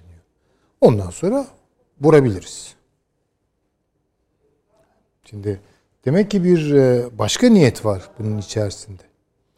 Demokrasinin ihraç edilebildiği tarihte görülmemiştir. Yani alıp demokrasiyi böyle ihraç ediyorsunuz falan. Sunulabilir bu bir tekliftir. Terörü ihraç edebilirsin Ha, ama terörü- dediğin gibi Ya, demokrasiyi demokrasiyi ihraç evet, edemezsin. Yani ihraç Tabii. etmek yani demokratik ol falan. Peki mesela bunlar bu kadar Türkiye'yi seviyorlar. Suudi Arabistan konusunda ne düşünüyorlar? Mesela Suudi Arabistan'a bir demokrasi eee, projesi O, o, o olmasa da olur hocam. öyle diye. mi? Yani su şeyler, Körfez ülkeleri. Peki ben Bunlar size bir yani- şey söyleyeyim. Neden biz hep böyle e, bu tür ataklar karşısında böyle makul cevaplar, yani makul derken hani diğer örneklerden hareket ederek cevaplar veriyoruz. Bunun hakkında mesela e, Amerika Birleşik Devletleri'nde de dava açılabilir. Yani bu de- devlet terörünün uzantısıdır diye. Ha, o Ha, yapılabilir yani tabii ki. Niye böyle hani sertleştirmiyoruz? Belki de yapmak gerekir. Evet, Onu ben evet. bilmiyorum ama yani benim önüme düştüğü zaman Bir bu kazanmak haber gerekmiyor ki. Yani açarsınız şeyler. Ya bu- bunlardır. Bu başka bir şey kardeşim. Ka- Adam yapıyor bir şey. Sen yine savunmaya geçerek başka bir şey. Adam e, New York'ta bilmem ne reklam panosunu kiralıyor. Stop Erdoğan diyor. Hadi sen de paraları döküyorsun ortaya. Evet bu bilmem. işten geçinenler de vardır oralarda. Bu, tabii. Olmaz bu mı? işte. Yani Lobi kopyalayarak sektörü- bunları bir şey yapmanın manası. Şunu unutmamak lazım. Ya bu son NATO toplantısı işte kimileri tabii uçlarda aşırı yorumlar üzerinden tartıştığımız için bunu gene aşırı yorumlar üzerinden yorumluyoruz yani. Ya da aşırılıklar üzerinden yorumluyoruz. Ya Amerika ile arayı düzelttik. Ya nereye düzelttin Amerika ile Amerika- arayı? Yok öyle bir şey. E ama işte e, gayet medeni bir konuş. Efendim tabii ki medeni olacak o konuşmalar. Herhalde orada bardakları e, birbirlerinin suratlarına atmayacaklar ve hakaretleşmeyecekler. Biden'ın yönetimi sonuna kadar bu e, ülkede Erdoğan'ı devirmek istiyor. Ben çok net söyleyeyim. Bu kadar net konuşmam normalde de. yani bu bunu söyleyeyim. Bu AK Parti'den kurtulmak istiyor. Açık. AK Parti'den de bile değil hocam. Erdoğan'dan kurtulmak Yani evet istiyorlar. ya da bugünkü haliyle AK Parti veya Zaten Sayın e, Erdoğan. kendileri bunun kuruluşunu duyururken sosyal medyadan alarmı çalmanın zamanı. Ha işte tabii Ne- yani. Niye şimdi? E çünkü bu hazırlanıyor artık yani. İşte Türkiye'yi bir e, İşte iki sene var seçime. de, diktatörün yönettiği ülke, bir narko devlet, e, kara paraların aklandığı bir yer vesaire falan. Yani spot tutuyorlar Türkiye'nin üzerine. Şimdi Türkiye'nin burada yapacağı başka şeyler var. O ayrıca da konuşuruz. Ama öyle bir noktada e, gidiyor ki bu 2023'e yani seçime çok yaklaşıyoruz. Öyle bir noktaya Süreç o süreç. ya. Süreç o süreç ve bu süreç içerisinde ne kadar yıpratabiliriz? Bu. Bu bunu net olarak görmeliyiz. Yani Hocam şeyi de ona vitesi oturtturuyor arttırıyorlar. musunuz siz? Yani bu bir takım ortalığa dökülen, saçılan kasetleri de bu bu potanın içinde görebilir misiniz? Elbette tabii görüyorum. Bütün o kampanyaları bunun içinde görüyorum. Ama bunlar yanlıştır demiyorum yani. Bunun kurgulanış meselesini söylüyorum.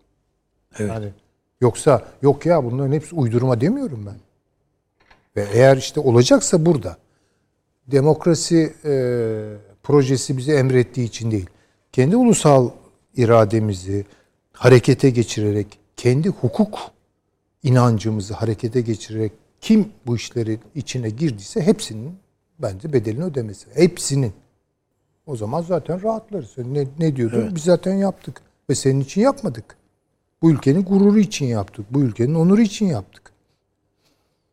Demokrasi içten gelir yani. Hukuk içeriden gelir. Öyle dışarıdan empoze ederek kalıpları dayatarak falan bu iş olmaz. Bunlara bakmak lazım. Yani demek istediğim süreçlerin kurgulanış biçimi o süreçlerin içine dair geliştirebileceğimiz değerlendirmeleri şu ya da bu şekilde etkilemez. Ama sürecin kurgulanış biçimi çok sorunlu. Neye yöneldiğini gayet iyi biliyoruz. Yani bu çok Alarm açık zillerini neden çaldırmak istediklerini Elbette tabii ki. Tabii ki. Ha, onun için hani sakın anlaştık vesaire filan o gibi şeyler yumuşadı işler fa- Türkiye fabrika ayarlarına döndü vesaire. Bu noktalarda algılanıyorsa çok yanlış. Bence süreç çatır çatır devam ediyor. Şansı Hocam, sizin için alarm zilleri niye şimdi çalıyor? Siz nasıl gördünüz bu olayı? Valla Nedret Bey ben e, biraz size de şaşırıyorum aslında. Niye bunlara şaşırıyorsunuz diye şaşırıyorum. Türkçemizde bir deyiş vardır. Şimdi ekranda söylenmez ama na, şöyle hani kışın soğuk olur diyelim. Kış illa soğuk yapar. Arkası da vardır ya o lafın. E, söylemeyelim gerisini. E, dolayısıyla hani kış kış gibi davranacak. Bu normal bir şey. E, dolayısıyla böyle şeylere şaşırmamak lazım. E, var işte bunlar böyle şeyler yapıyorlar, seviyorlar da. Fakat e, ben bir yandan da sevindiğimi söylemek isterim aslında. Şöyle ki sevindiğimi söylemek isterim. Bu kadar mı yani diye düşünüyorum ben. Şöyle ki bu kadar mı yani? Şimdi John Bolton dediğiniz kişi öyle hiç muteber bir adam değil Amerika'da, Washington DC'de. Trump'ın yolladığı, yanından yolladığı, kovduğu bir adamdan bahsediyoruz. Ve kovarken ne dediğini hatırlayacaktır bütün seyircilerimiz. Bu adamın aklına uysak dünyanın tamamında savaş çıkarmamız gerekirdi. Yani bu öyle e, gerçekten hani Trump'ın bile tahammül edemediği bir karakter olarak ortada. Jeb Bush diyecek olursanız e, yine aynı şekilde öyle DC'de ya da Amerika e, siyasetinde etkili bir karakter değil. Efendim yanlarındaki Türklere bakacak olursanız yani gülüp geçiyorum sadece. Ee, öyle söyleyeyim. E, o yüzden diyorum bu kadar mı yani? Bu mudur yani toplayıp toplayabileceğiniz bu mudur? E, bu adamların e, açık ki Amerikan iktidarıyla yakın bir temasları yok. Bu adamların açık ki Amerikan muhalefetiyle de yakın bir temasları yok. Yani Amerika öyle bir yerdir ki insanlar aç kalır Nedret Bey. Böyle koca koca adamlar e, mesela başkanın danışmanlığını yapmış olan adam aç kalır, işsiz kalır. İşte Şimdi o, da, o adama verilecek bu projedeki FETÖ'nün parmağını izah ediyor zaten. Bu söylediğiniz şey e işte ama bu kadar mı yani? Allah aşkına bulup bulabildiğiniz bu mudur yani? Bula bula Can Baltın'ı mı buldunuz? Bula bula Cep Buş'u mu buldunuz?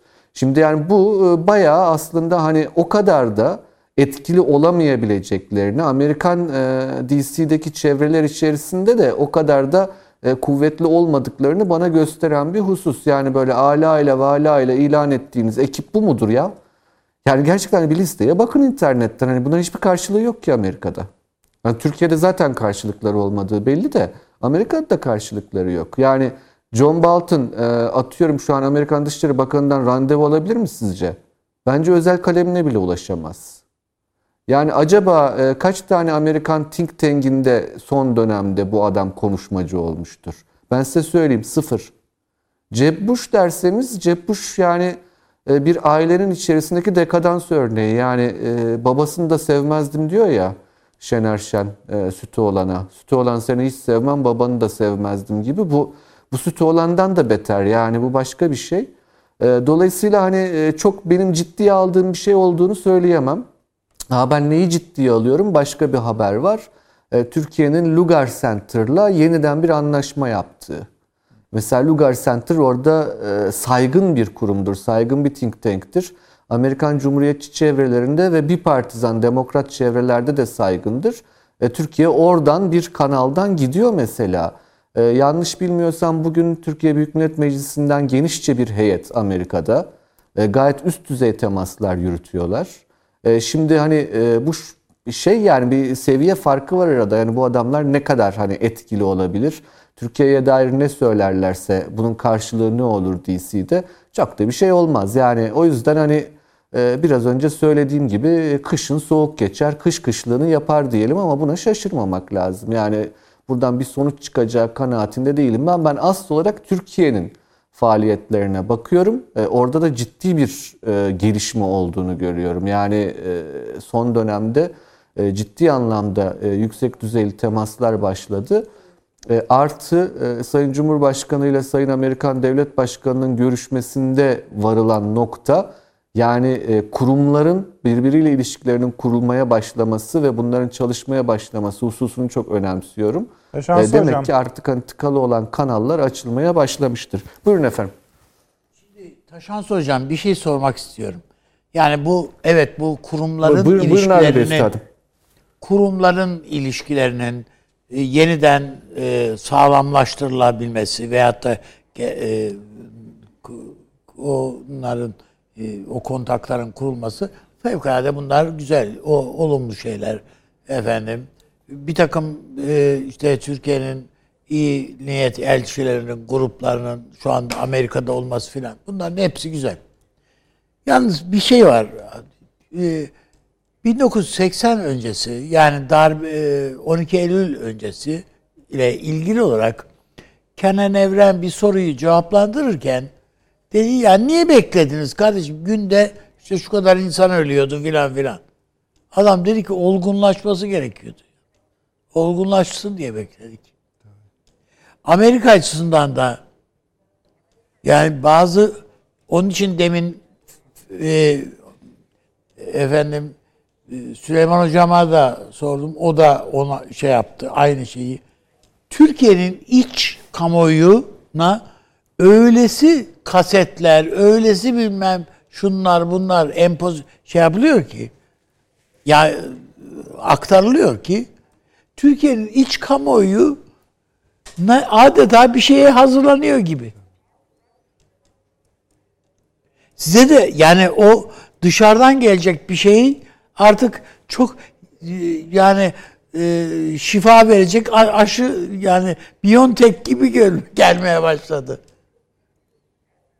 Böyle bir şey hissediyor musunuz diye. E ben o o amaçla yapılıyor. Çünkü evet, bütün bu saldırılar yapılıyor ama senin reflekslerinin çalıştığını gösterecek şeyler e, bir kurumsal yapılar bakıyorsun o refleksler yok orada da. Soralım bakalım Taşan Hoca da öyle hissediyor mu? Buyurun hocam. E, o mutlaka, mutlaka ben katılırım Avni Bey Üstad'ın. E, yani bu hani sezgisel düzeyde tabii ama ya diplomasinin hani bu görünmeyen bir tarafıdır. E, yani bir şekilde konuşurken karşınızdakini zor durumda bırakmak için belli başlı faaliyetlerde bulunursunuz. Yani bu kaçınılmaz bir şey. E, Amerika'da bu işi çok iyi yapan bir ülkedir. Yani iyi de öldür hakkını ver denir ya. Yani gerçekten iyi yapıyor adamlar.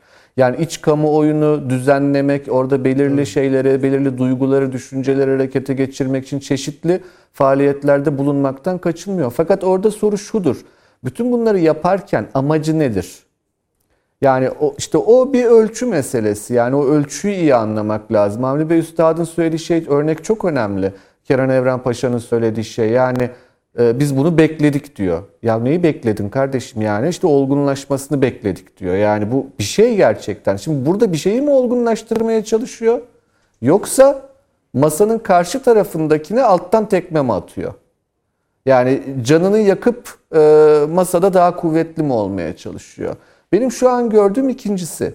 Yani özellikle bu örnekte yani bu Turkish Democracy neydi project miydi ne ne ne, ne, ne iyiyse, ne, neyse buyurun. yani. Onda gördüğüm şey hani ne karın ağrısıysa yani onun bir e, böyle şeylerin Türkiye'de karşılığı olmaz. Gerçekten o kadar değil yani. Ha uğraşır ama e, yani onlar da şey değil o kadar saf değiller. Yani bunun nereye kadar gidebileceğini, etkisinin ne kadar olabileceğini düşünürler diye düşünüyorum. E, yani o çerçevede benim anladığım masada karşı taraftakini olabildiğince huzursuz bir şekilde oturtmak. Bu böyle Peki. bir şey. Şimdi öyle bir gücü var mı Amerika'nın? E valla var yani işte bunu herkese yapıyor adam yani gerçekten. Biz şimdi Afganistan'a hayır desek bu ne olur hocam dışarıda? Yani re, tepki gücünü Türkiye'nin hayır deme şeyini e, inisiyatifini filan yani törpülüyorlar gibi geliyor bana. Afganistan'la ilgili söylemiyorum sadece. Anladım onu. anladım. Ama yani bu, Peki. Tezkereden sonra evet. ne olduysa işte onlar olur. Katılırım, katılırım. Yani niye öyle Katılırım yani yapmaya çalıştıkları şey tam da bu. Peki şöyle yapalım madem daha tehlikeli bir konuya geçelim. Ee, Taşansı Hocam bu sizden başlayalım. Karadeniz'de Buyurun efendim. Yani böyle biz hani acaba bunları çok doğal mı karşılıyor? Yani alışıldık bir şey midir? Mesela Karadeniz'e yani o geminin ne zaman geçtiğini de biliyoruz, vasıflarını da biliyoruz, şusunu busunu. Bir İngiliz savaş gemisi, gelişmiş bir İngiliz savaş gemisi geçiyor. Bilmiyoruz Rusların dediği doğru mu, İngilizlerin dediği doğru mu? Yani bu iki ülkeden hangisine hangi konuda daha çok inanırsınız derseniz hiç öyle bir soruyla karşılaşmamayı tutarım. Kırım açıklarında kendisi ikaz ediliyor Ruslar tarafından savaş gemisi. Sonra üzerinde sürekli savaş uçakları kimi rakamlara göre 20. uçuruluyor ve nihayet kendisine uyarı ateşi yapılıyor. İstisnasız dünyadaki bütün haber ajansları bunu 2. Dünya Savaşı'ndan sonra gelen en riskli hareketlerden biri olarak görüyorlar. Londra hükümeti diyor ki böyle bir şey yok. Daha doğrusu kraliyet donanmasının yaptığı açıklama. Böyle bir şey yok. Fakat işte geminin içinde de bir BBC muhabiri var imiş. Canlı olarak bağlanmış. Ruslar ne diyorlar? Ruslar yüzde yüz doğru. Hiç tartışılacak bir tarafı yok. Ha, yaptık diyorlar. Tabii tabii. Yaptık diyorlar. Onlarda bir şey yok. Onların resmi açıklaması. Sınırı geçtiler. Kendilerini ikaz ettik. Durmadılar. Savaş uçaklarını uçar, uçurduk. Durmadılar. Sonra da ateş at, et, yani uyarı ateşi. Ve bugün Genelkurmay Başkanı'na soruyor gazeteciler bu iş ne kadar oldu? Bak yani devam eder mi diye. O da diyor ki şimdi o geminin güzergahını ateş ettik. Bir dahakine kendisini ateş ederiz diyor. Bu böyle. Hadi diyelim ki bu böyle atlatıldı bu varta. Ama iki gün sonra çok büyük bir tatbikat var. Ve Ruslar her kanaldan kardeşim burayı zorlamayın. Bu sistematik bir saldırı haline geldi. Vesaire vesaire. Asıl gelmek istediğim soru şu. Burada uzun zamandır pek sık rastlamadığımız biçimde Karadeniz ve Balkanlar üzerinden Rusya'ya giden bir ağırlık var gözüküyor. Bir, bu, birincisi bu doğru mu? İkincisi e, bunu biz nasıl anlıyoruz? Yani NATO'nun daha yeni toplantısı yapıldı. Eğer görüntü kadar yani söylenenler kadarsa bu olay niye Rusların üzerine gidiyorlar? Yani buradan bir şey çıkacağını düşünüyorlarsa savaş çıkar. Bu ben öyle anlıyorum. Bir ucu bunun Ukrayna'dır. Cis yani. Söyledi işte Putin. Yakarım yani dünyayı dedi. Meali odur. Gürcistan'da öbürü. Buyurunuz Taşansı Hocam. Vallahi efendim bu çok önemli bir mevzu. Şimdi yaşanan şeyi bir e, anlatmakta fayda var. Odessa limanından çıkan HMS Defender galiba. Evet, Defender. adı. Ruslar provokatör diyorlar. Yani onun adı HMS provokatör demiş Ruslar. Ee, Sivastopol limanının ağzına geliyor. Yani liman girişine kadar yaklaşıyor. Rusların iddiasına göre. Ee, şimdi İngilizler diyor ki biz diyor e, şeydeydik. E, nedir onun adı? Açık denizdeydik. Evet, evet. Uluslararası karasuları diyor. Ee, Ruslar da diyor ki hayır bizim karasularımız. E şimdi orada sıkıntı şu. Eğer Kırım Rus toprağıysa Rusların karasuları belli ki. E ama İngiltere Kırım'ın Rus toprağı olduğunu kabul etmiyor vesaire gibi bir sıkıntı var. E şimdi orada Ruslar dediler ki e, biz uyarı atışı yaptık. İngilizler de dedi ki vallahi öyle bir şey olmadı. E, onlar topçu atış tatbikatı yapıyorlardı galiba gibi böyle komik bir cevap. Ee, Ruslarınki de komik. Yo vallahi biz şey yaptık, vurduk. Yani böyle bir komedi, gerçekten komedi. Yani iki tarafınki de. Şimdi orada bir şunu koymak lazım. NATO e, ile Rusya Doğu Avrupa ve Karadeniz hattında e, kesinlikle karşı karşıya. Bu açık bir şey. Bu değişik bir durum değil zaten. Yani bu uzun yıllardan beri süre giden bir şey. İşte 2014'ten beri ısınan bir şey. Kırım'ın ilhakından sonra. E, ancak ee, bu son Biden-Putin görüşmesinde e, benim or analiz ederken söylediğim şey yani bir şekilde sopa göstererek sınırları çizmek istiyor Batı buraya dair. NATO diyelim genel olarak. Ancak bir NATO var, bir de NATO'nun içinde İngiltere var.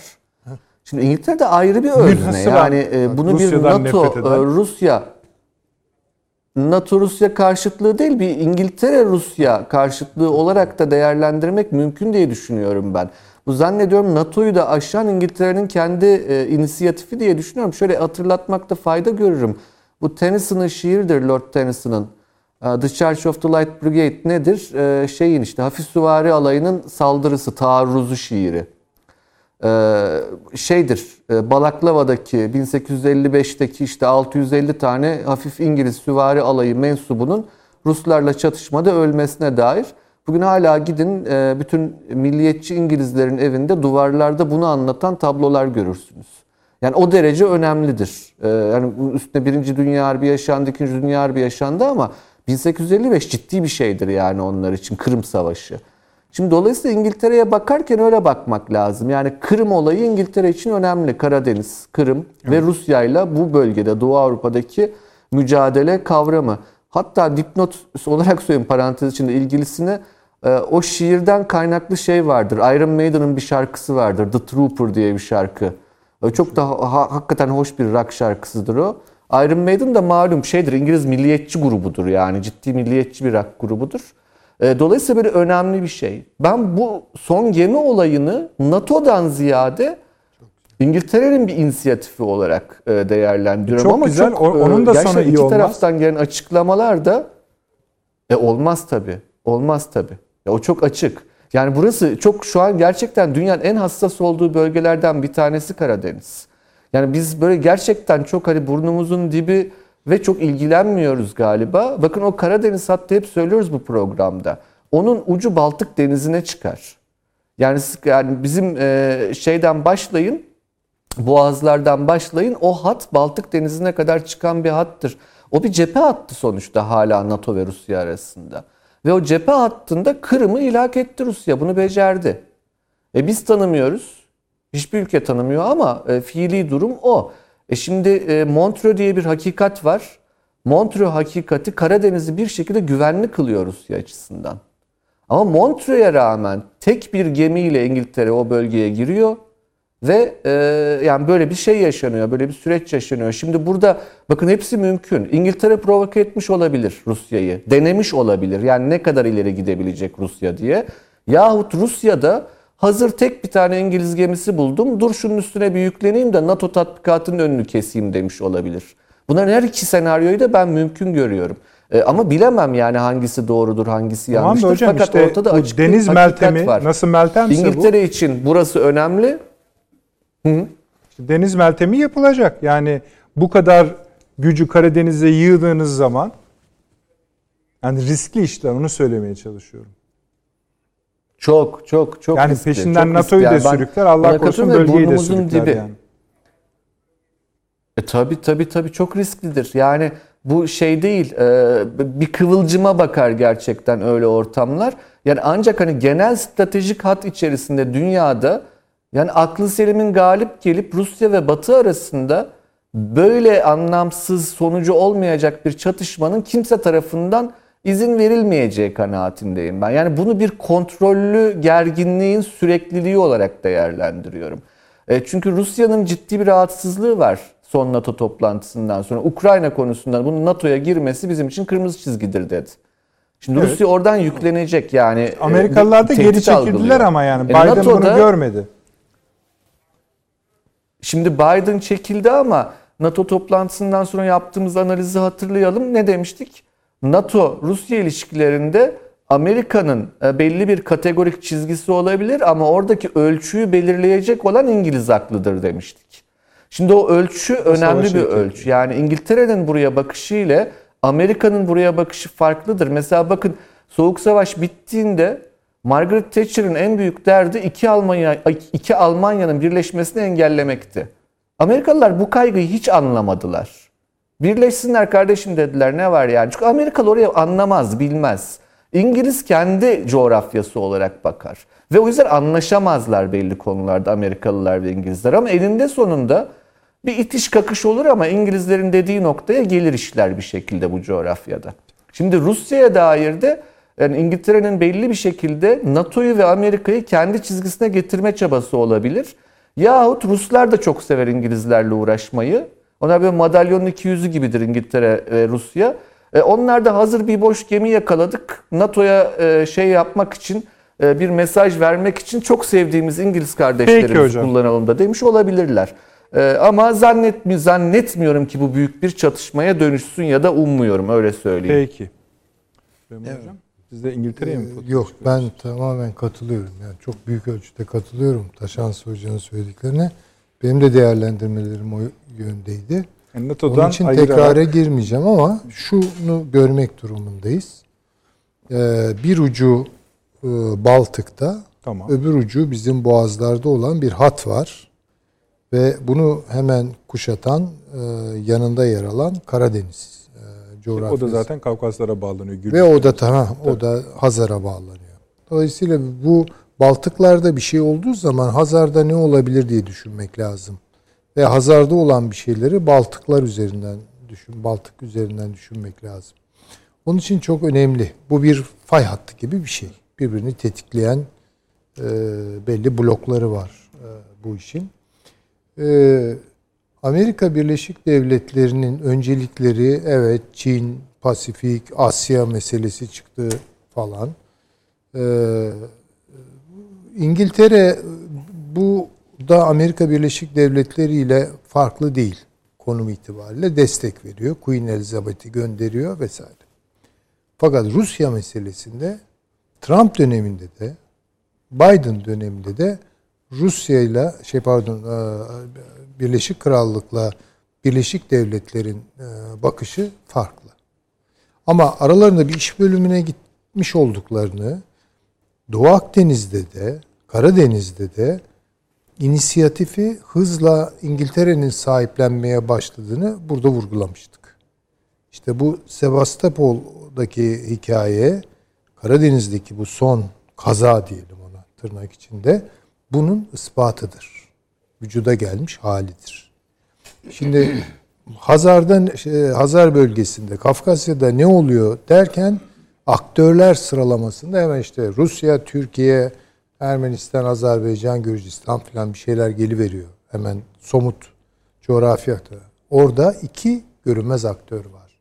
Çok dikkat edelim. Bunlardan biri İsrail'dir. İkincisi İngiltere'dir. Başka bir şey aramaya gerek yok zaten. Evet. Karadeniz'de biz doğal gaz bulduk. Kimle anlaştık? Yani dikkat edelim evet. ona. Son zamanlarda İngiltere ile Türkiye arasındaki diplomatik trafik evet. neye yorulabilir? Çünkü orada artık Amerika Birleşik Devletleri doğrudan muhatap değil. Yani bakın Ermenistan'da bir şey oluyor. Amerika'nın sesi çok duyulmuyor. Hadi kıyamet koparırlar. Şöyle oldu, böyle oldu. Var. Şimdi mutluyuz, yani işte, mutsuzuz. Tamam neyse. o kadar yani. Biraz uzakta. Onu da yaparlar canım artık. Uzakta. Ee, Fransa biraz soktu buralara burnunu ama Fransa hakikaten hani yarışa 100 metre geri başlayan, geride başlayan aktör şey e, koşucu gibidir bu işlerde. Ee, biraz nefesi kesildi, bir durdu. Şimdi soluklanıyor, başka hesapları var filan. En azından Türkiye üzerine o kadar gitmiyor. Belki İngiltere burada çok durdurucu bir faktördür. Yani düşünmek lazım. Ee, Almanya ile e, Rusya ne kadar yakınlaşırsa bu İngiltere için alarm çaldır. Bunu bir kere görelim. Bunu istemezler. Sureti katiyede. Ee, aynı şekilde e, Almanya ile Rusya yakınlaşmasına Türkiye'nin dahil olması hiç kabul edilemez bir şeydir. Şimdi mesela Almanya'yı takip ediyoruz değil mi? Almanya başından beri yani Trump döneminden başlayarak Doğu Akdeniz'de Türkiye'nin karşısına çıkmıyor. Yunanistan'ın arkasında yer almıyor. Hep işte yatıştırıcı bir şey. Çünkü biliyor ki e, Rusya ile kuracağı bağlantıyı eğer Türkiye tamamlamazsa yani bir üçlü e, ne bileyim en azından sorunları yumuşatmış üç devlet arasında bir rejim tutturulamazsa kafasındaki e, şey açılım doğuya doğru her neyse eksik kalacak. İngiltere de bunu bozmak için her şeyi yapacaktır. İngiltere'nin kafasında Türkiye yanında olmalıdır. Onun için adım adım zaten yanına aldı. Şimdi burada Türkiye'yi bence e, hem belli fırsatlara çeken hem de çok zora sokabilecek bir dinamik işliyor. Şimdi eğer ağırlığını Türkiye diyelim ki Almanya'dan yana, Rusya'dan yana arttırırsa bundan bir kesin İngiliz tepkisi yer. Bu çok açık. Bunu banko bilelim. İkinci olarak tersi olursa tersi olursa Rusya ile olan ilişkileri çok gerilir. Hatta belki de belli bir noktadan sonra hani kopma, tehlikeli bir yere gelir. Tehlikeli bir yere gelir. Ee, Şimdi gidişata ben bu açıdan bakıyorum. Karadeniz'de ne oluyor? Bir kere Karadeniz'de Amerika karıştırmıyor ağırlıklı olarak. İngiltere yapıyor bu işi. Orada tamamen katılıyorum. Taşan Suucu'ya. Test ettiğini düşünüyorum Rusya'yı. Hatta tahrik ettiğini düşünüyorum. Ama buradan böyle muazzam bir şey yangın çıkacak, savaş patlayacak vesaire. Bunlara pek ihtimal vermiyorum. Yani burada istenen şey işte Ukrayna'yı da işin içine sokmak suretiyle yarın Gürcistan olabilir. Romanya, Bulgaristan olabilir. Ee, bu e, şekilde burada tansiyonu hani Bu olaylardan hareketle biz politikayı anlamaya çalışıyoruz. evet Yaptığımız politika şey Türkiye o. açısındansa Türkiye benim görebildiğim kadarıyla şu ana kadar İngiltere ile birlikte yol alıyor. Bunu, bunu görelim. Bu önümüzdeki Tabii tabii. Meltem'de de tatbikat. Tabii. Ya bu Türk-Alman ilişkilerine yansıyacaktır yalnız. Türk Türkiye-Avrupa Birliği ilişkilerine yansıyacaktır. Orada bir sonraki konumuz şimdi Hah. gelecek Avni Bey konusun. Ondan sonra da ona bakacağız. Evet. Teşekkür ederim. Rica ederim. Avni Bey siz bir şeyler söyleyecek misiniz? Ben e, bir kere şunu herhalde görmek lazım. Rus şeyde Karadeniz'de çıkacak bir deniz savaşı veya çatışma denizlerde çıkacak bir çatışmanın tartışmasız galibi Rusya'dır. Ben de aynı Hiç bunun bir Doğru başka şeyi yok. Bunu biz nasıl biliyoruzsak bunu çok daha fazla İngiltere bilir yani. Bir şey yaparken. Ama e, Rusya veya şey Rusya Türkiye'nin veya işte Polonya Ukrayna'nın veya da işte Romanya'nın falan Karadeniz'deki gücüne bakarak kendi güç dengesine ni ayarlamaz yani. Tamam yani yani bir de eşitler arasında bir şey lazım. Ama İngiltere öyle değil.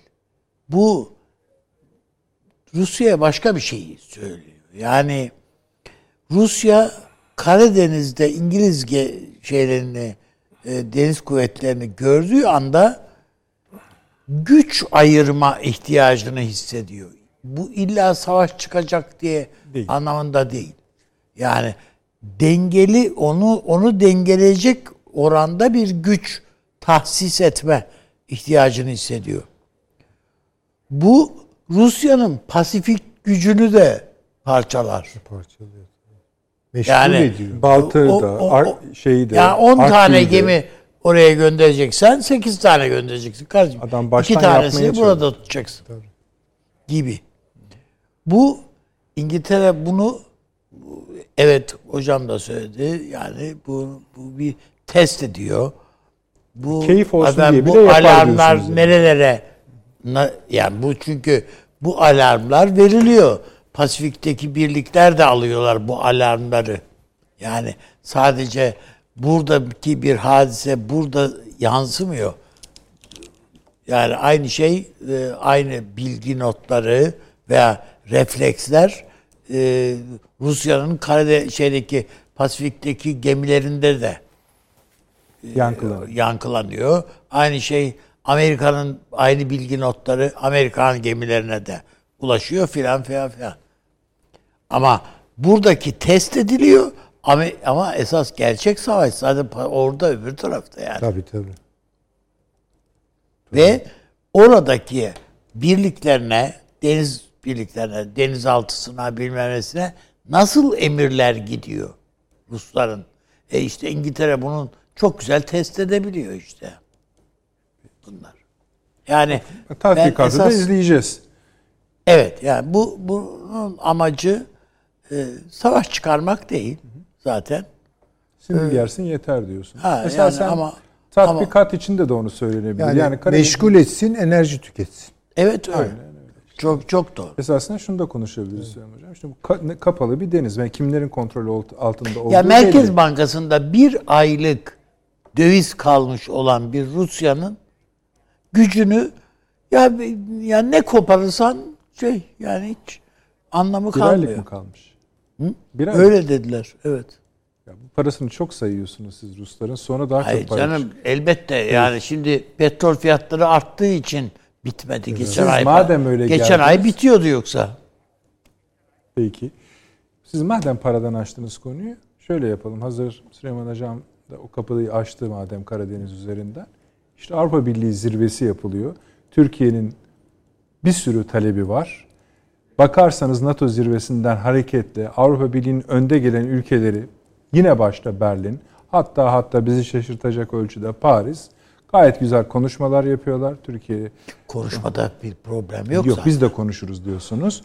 İşte şimdi Ama Hadi bak- eller cebe gittikten sonra ne olacak bakalım? Şuna ya, gümrük birliği meselesi var, bilmem ne vesairesi var. Şimdi burada bu zirveden Türkiye'nin de açıklamalarını duydunuz.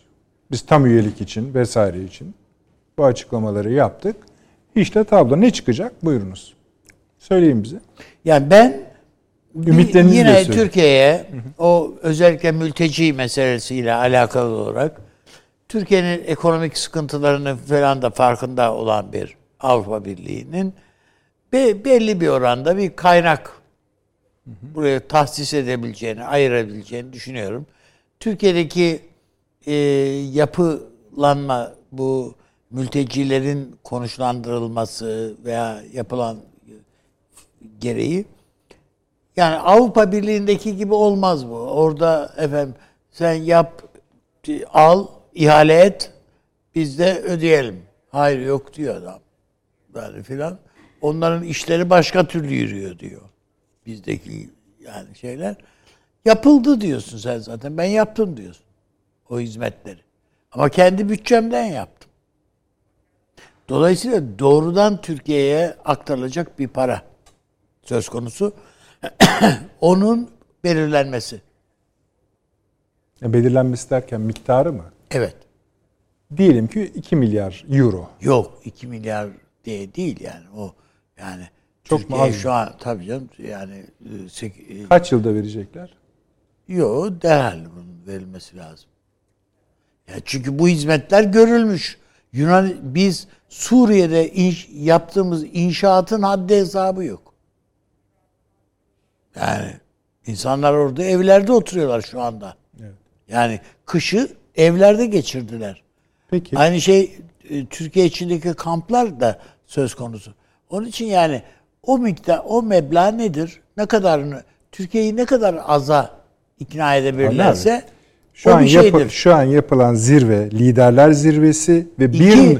bir nolu konu Türkiye. E, tabii canım öyle. Bu. Gündem Sonra Türkiye dedik biz de iki. zaten. E, Bir bu. İki bu gümrük birliğinin yeniden revize edilmesi. Gümrük Birliği anlaşmasının revize Olacak mı edilmesi. diyorsunuz yani? Edeceğiz dediler canım. Bunu İşte bu sonuç bildirisi Hayır hayır hayır. Bu taslağında edece- bunlar edeceğiz- yok. Edeceğiz dediler. Hayır. Gümrük Birliği. E, sizi sorumlu tutarız. Tabii şey Sü- Süleyman Özışık diyor ya benim sorumlu tutun. Tamam ben de diyorum. Benim sorumlu tutun. Eyvallah. Evet Buyurun. o aksi çıkarsa. Efendim e, üçüncüsü serbest dolaşım. Yani vize serbestsiz. Ben Türkiye'nin bunlar için ısrarcı olacağını düşünüyorum. Bu e, yani işte elma şekeri şeyleri. Bu yeni değil zaten Türkiye'nin Türkiye'ye uzatılan bu elma şekerleri de yeni değil yani. Daha önceden konuşulduydu. Biz de konuştuk burada. Avrupa Birliği'nden gelecek olan para 6 milyardı. 2 milyar geldi. Bu. Siyaseten bir şey çıkar mı?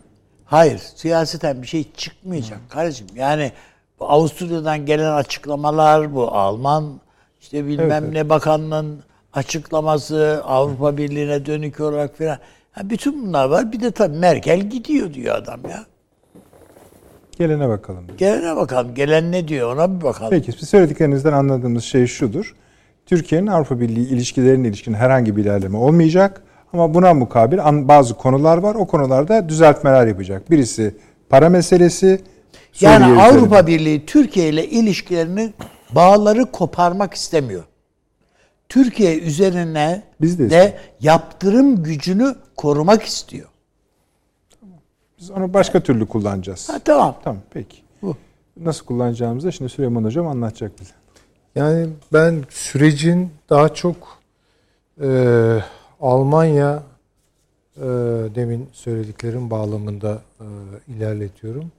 Almanya, Rusya, İngiltere e, ekseninde Türkiye'nin tercihleriyle ilişkili e, olduğunu e, düşünüyorum. Yani Avrupa Birliği deyince bana ne Avusturya'daki e, bunamış yaşlıların e, Türkiye aleyhinde atıp tutması veya Yunanistan'ın bir şeyler söylemesi hatta hatta Fransa'nın ki burada geriye çekilmiş vaziyette bunlar hiç önemli değil. bir görüşme yaptılar ya Merkel Macron ikisi. Orada herhalde yine Merkel Evet yani bu Öyle Türkiye Cumhuriyeti ile e, Alman e, arasındaki ilişkiler demektir.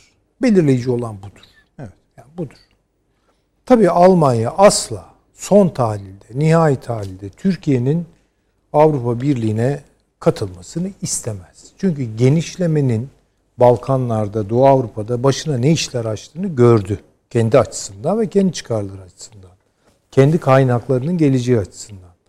Türkiye'ye dönük hesaplarında bence burada e, e, kuruyor ve e, nihai tahlilde buna karşı bir pozisyon olduğu çok açıktır. Ama bu Türkiye ile olan ilişkilerini dramatik tırmanışlara sürüklemek bir dönemlerde olduğu gibi 90'larda veya 2000'lerin başlarında asla böyle bir şey yok. Ee, bir nasıl söyleyeyim istikrarlı ilişkiler kurmaya çalışıyor Türkiye ile. Türkiye'yi gücendirmek istemiyor. Türkiye'yi rahatsız etmek istemiyor. Başını ağrıtmak istemiyor. Burada tutmak istiyor. Ama Merkel gittikten sonra ne olur? Eğer senaryo yani yeşillerin kazanmasına doğru tahakkuk ederse o takdirde başka bir denklem çıkar.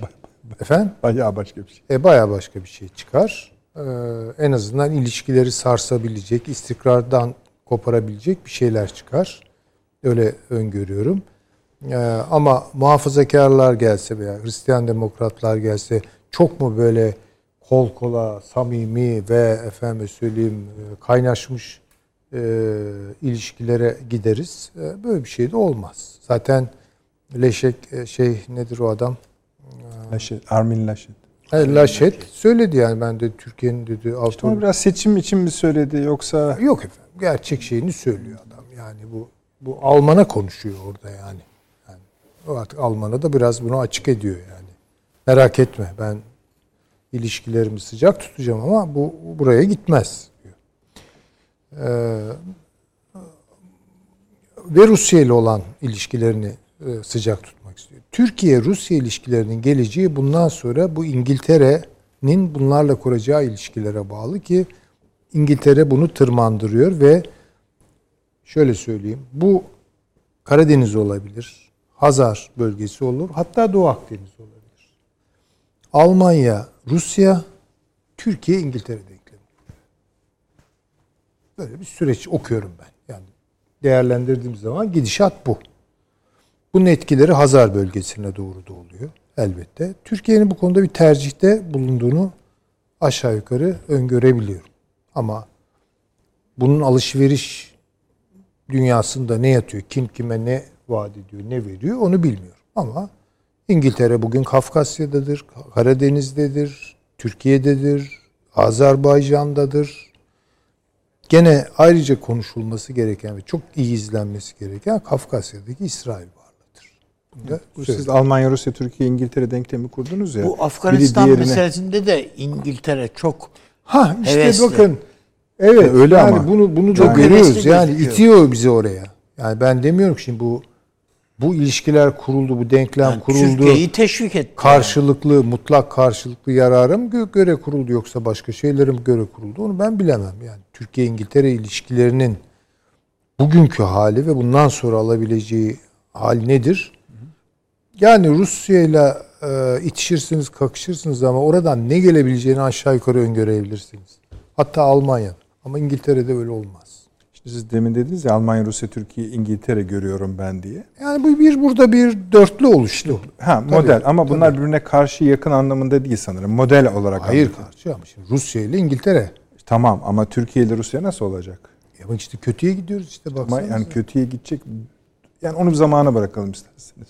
İşte ben Hani zaten nereye belli kadar? Ama eğilimlere bakıyorum Şöyle yani. bir şey var. Bu turist gelişini serbest bırakmasını Putin'in Tamam bu, bunun belki bile bir e, şey Ben- olduğunu ben mesela bu akşama ilişkin yani daha sen ileri bir örnek vereyim, siz bırakmasa ne yorumlayın. diyebilirdik ki? Şimdi mi- tabii bir şey diyemezsiniz ve bunu tavır şey olarak da algılardık. Ama Evet. mesela bu akşam biliyorsunuz e, Sayın Cumhurbaşkanı ile Putin arasında bir görüşme oldu.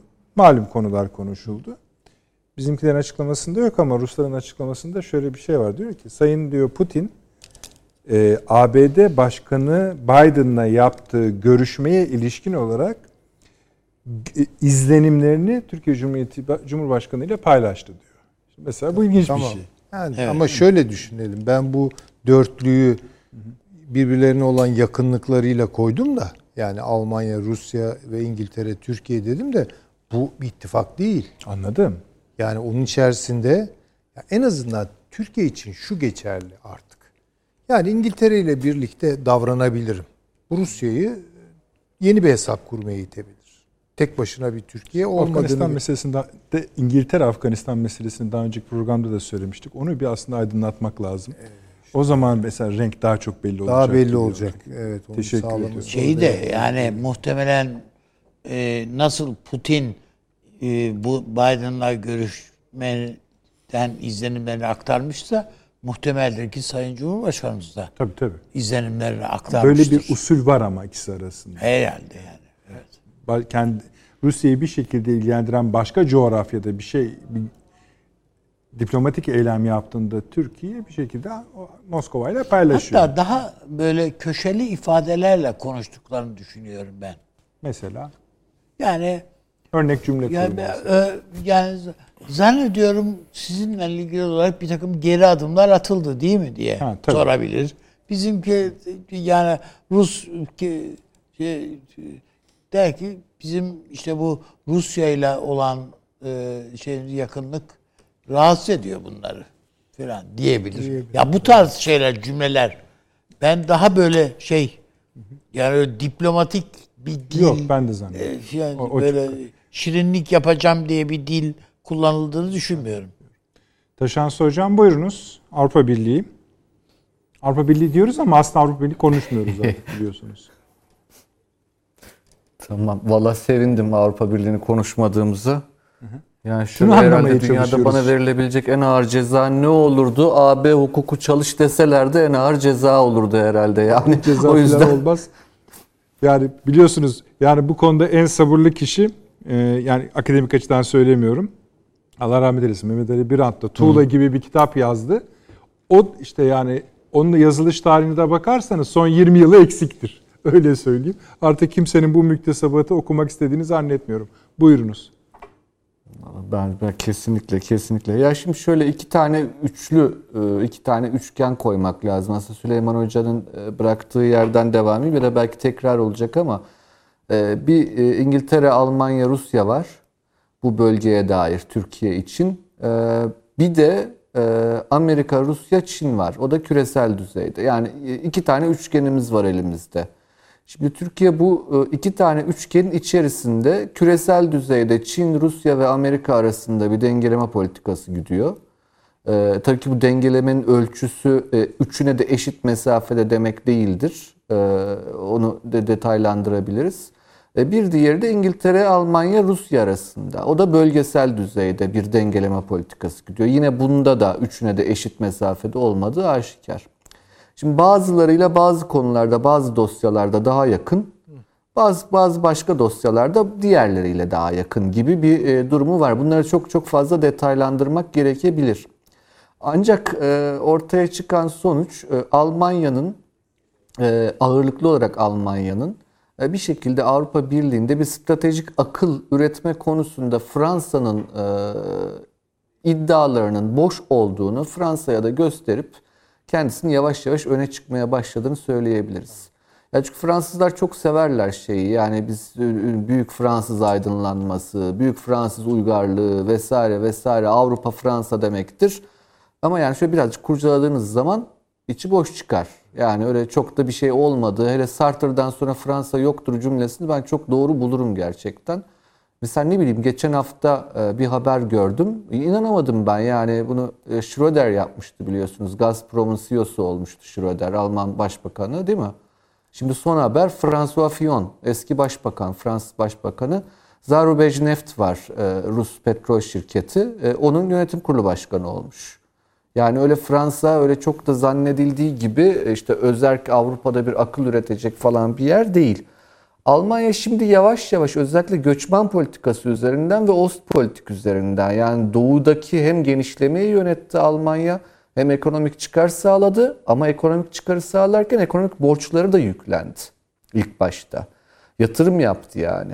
E, hem Rusya ile ilişkiyi yönetiyor hem de göç çerçevesinde Türkiye'yi yönetiyor. Hem de Macaristan üstünden Slovenya'ya, Adriyatik'e inmiş durumda. Yani bir Doğu Akdeniz'e doğru da e, gelme derdi var Almanya'nın. E, dolayısıyla hani biz Almanya'yı bu şekilde okumak mümkün. Almanya ile İngiltere'nin rekabeti de açık. Yani bu tarihsel bir rekabettir zaten. Birbirlerinden hiç hoşlanmadıkları da açık. Hele Brexit sonrası İngiltere artık e, bağımsız bir aktör. E, Almanya ise Avrupa'yı bir arada tutmaya çalışıyor ama bir yandan da Rusya ile boğuşuyor. Yani o e, Schlieffen planı vardır ya ünlü. iki cephede aynı anda savaşma. E, ünlü Alman kurmaydır. Yani hem Fransa ile hem Rusya ile savaşma. Git bir tanesine vur, devir ondan sonra diğerine dön planı demektir o.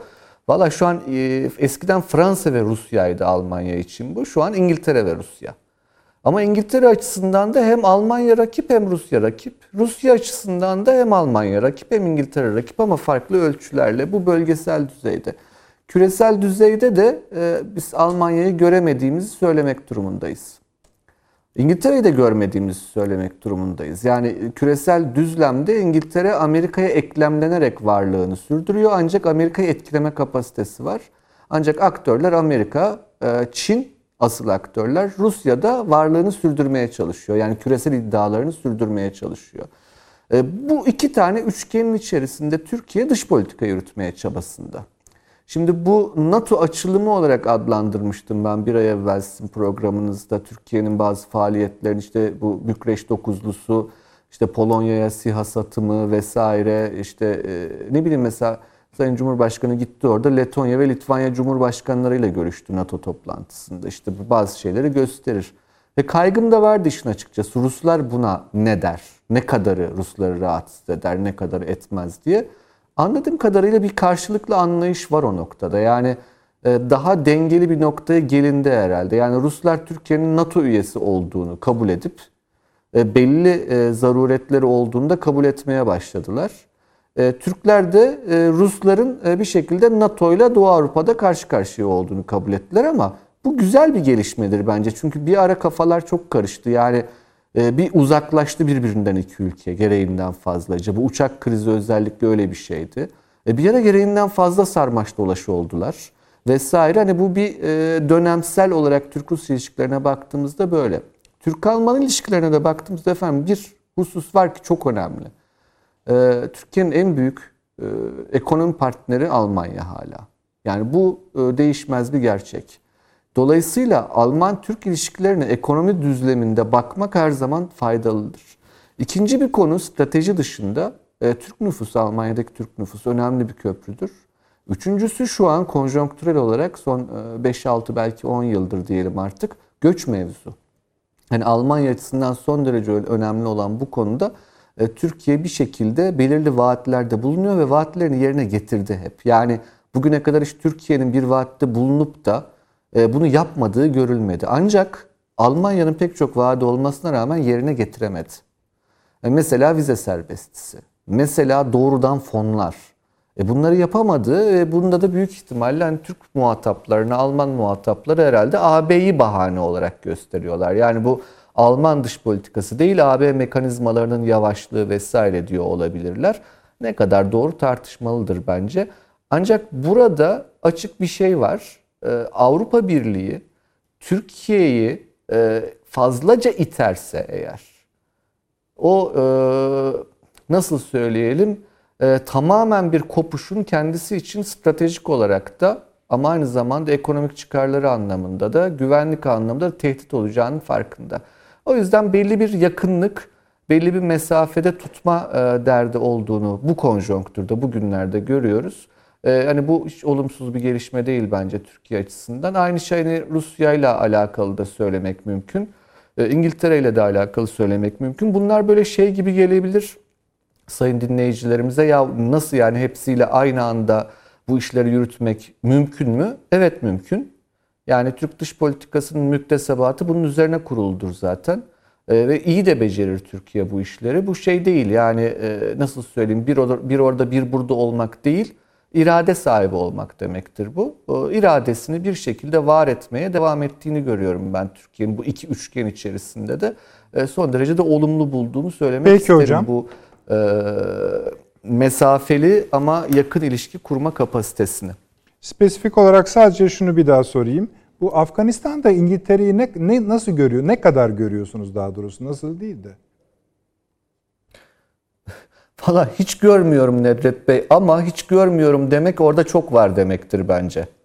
Yani yani hatırlıyorsunuz değil mi? Bütün bu Hindistan, Pakistan, Afganistan, İran, Kavkaslar şu bu bu Hin, yani deniz bölümü Hindistan de- hepsindeki mesele galiba Afganistan'da vakti zamanında e, iki tane bir İngiliz bir de Rus ajanın karşılaşması yüzünden çıkmıştı.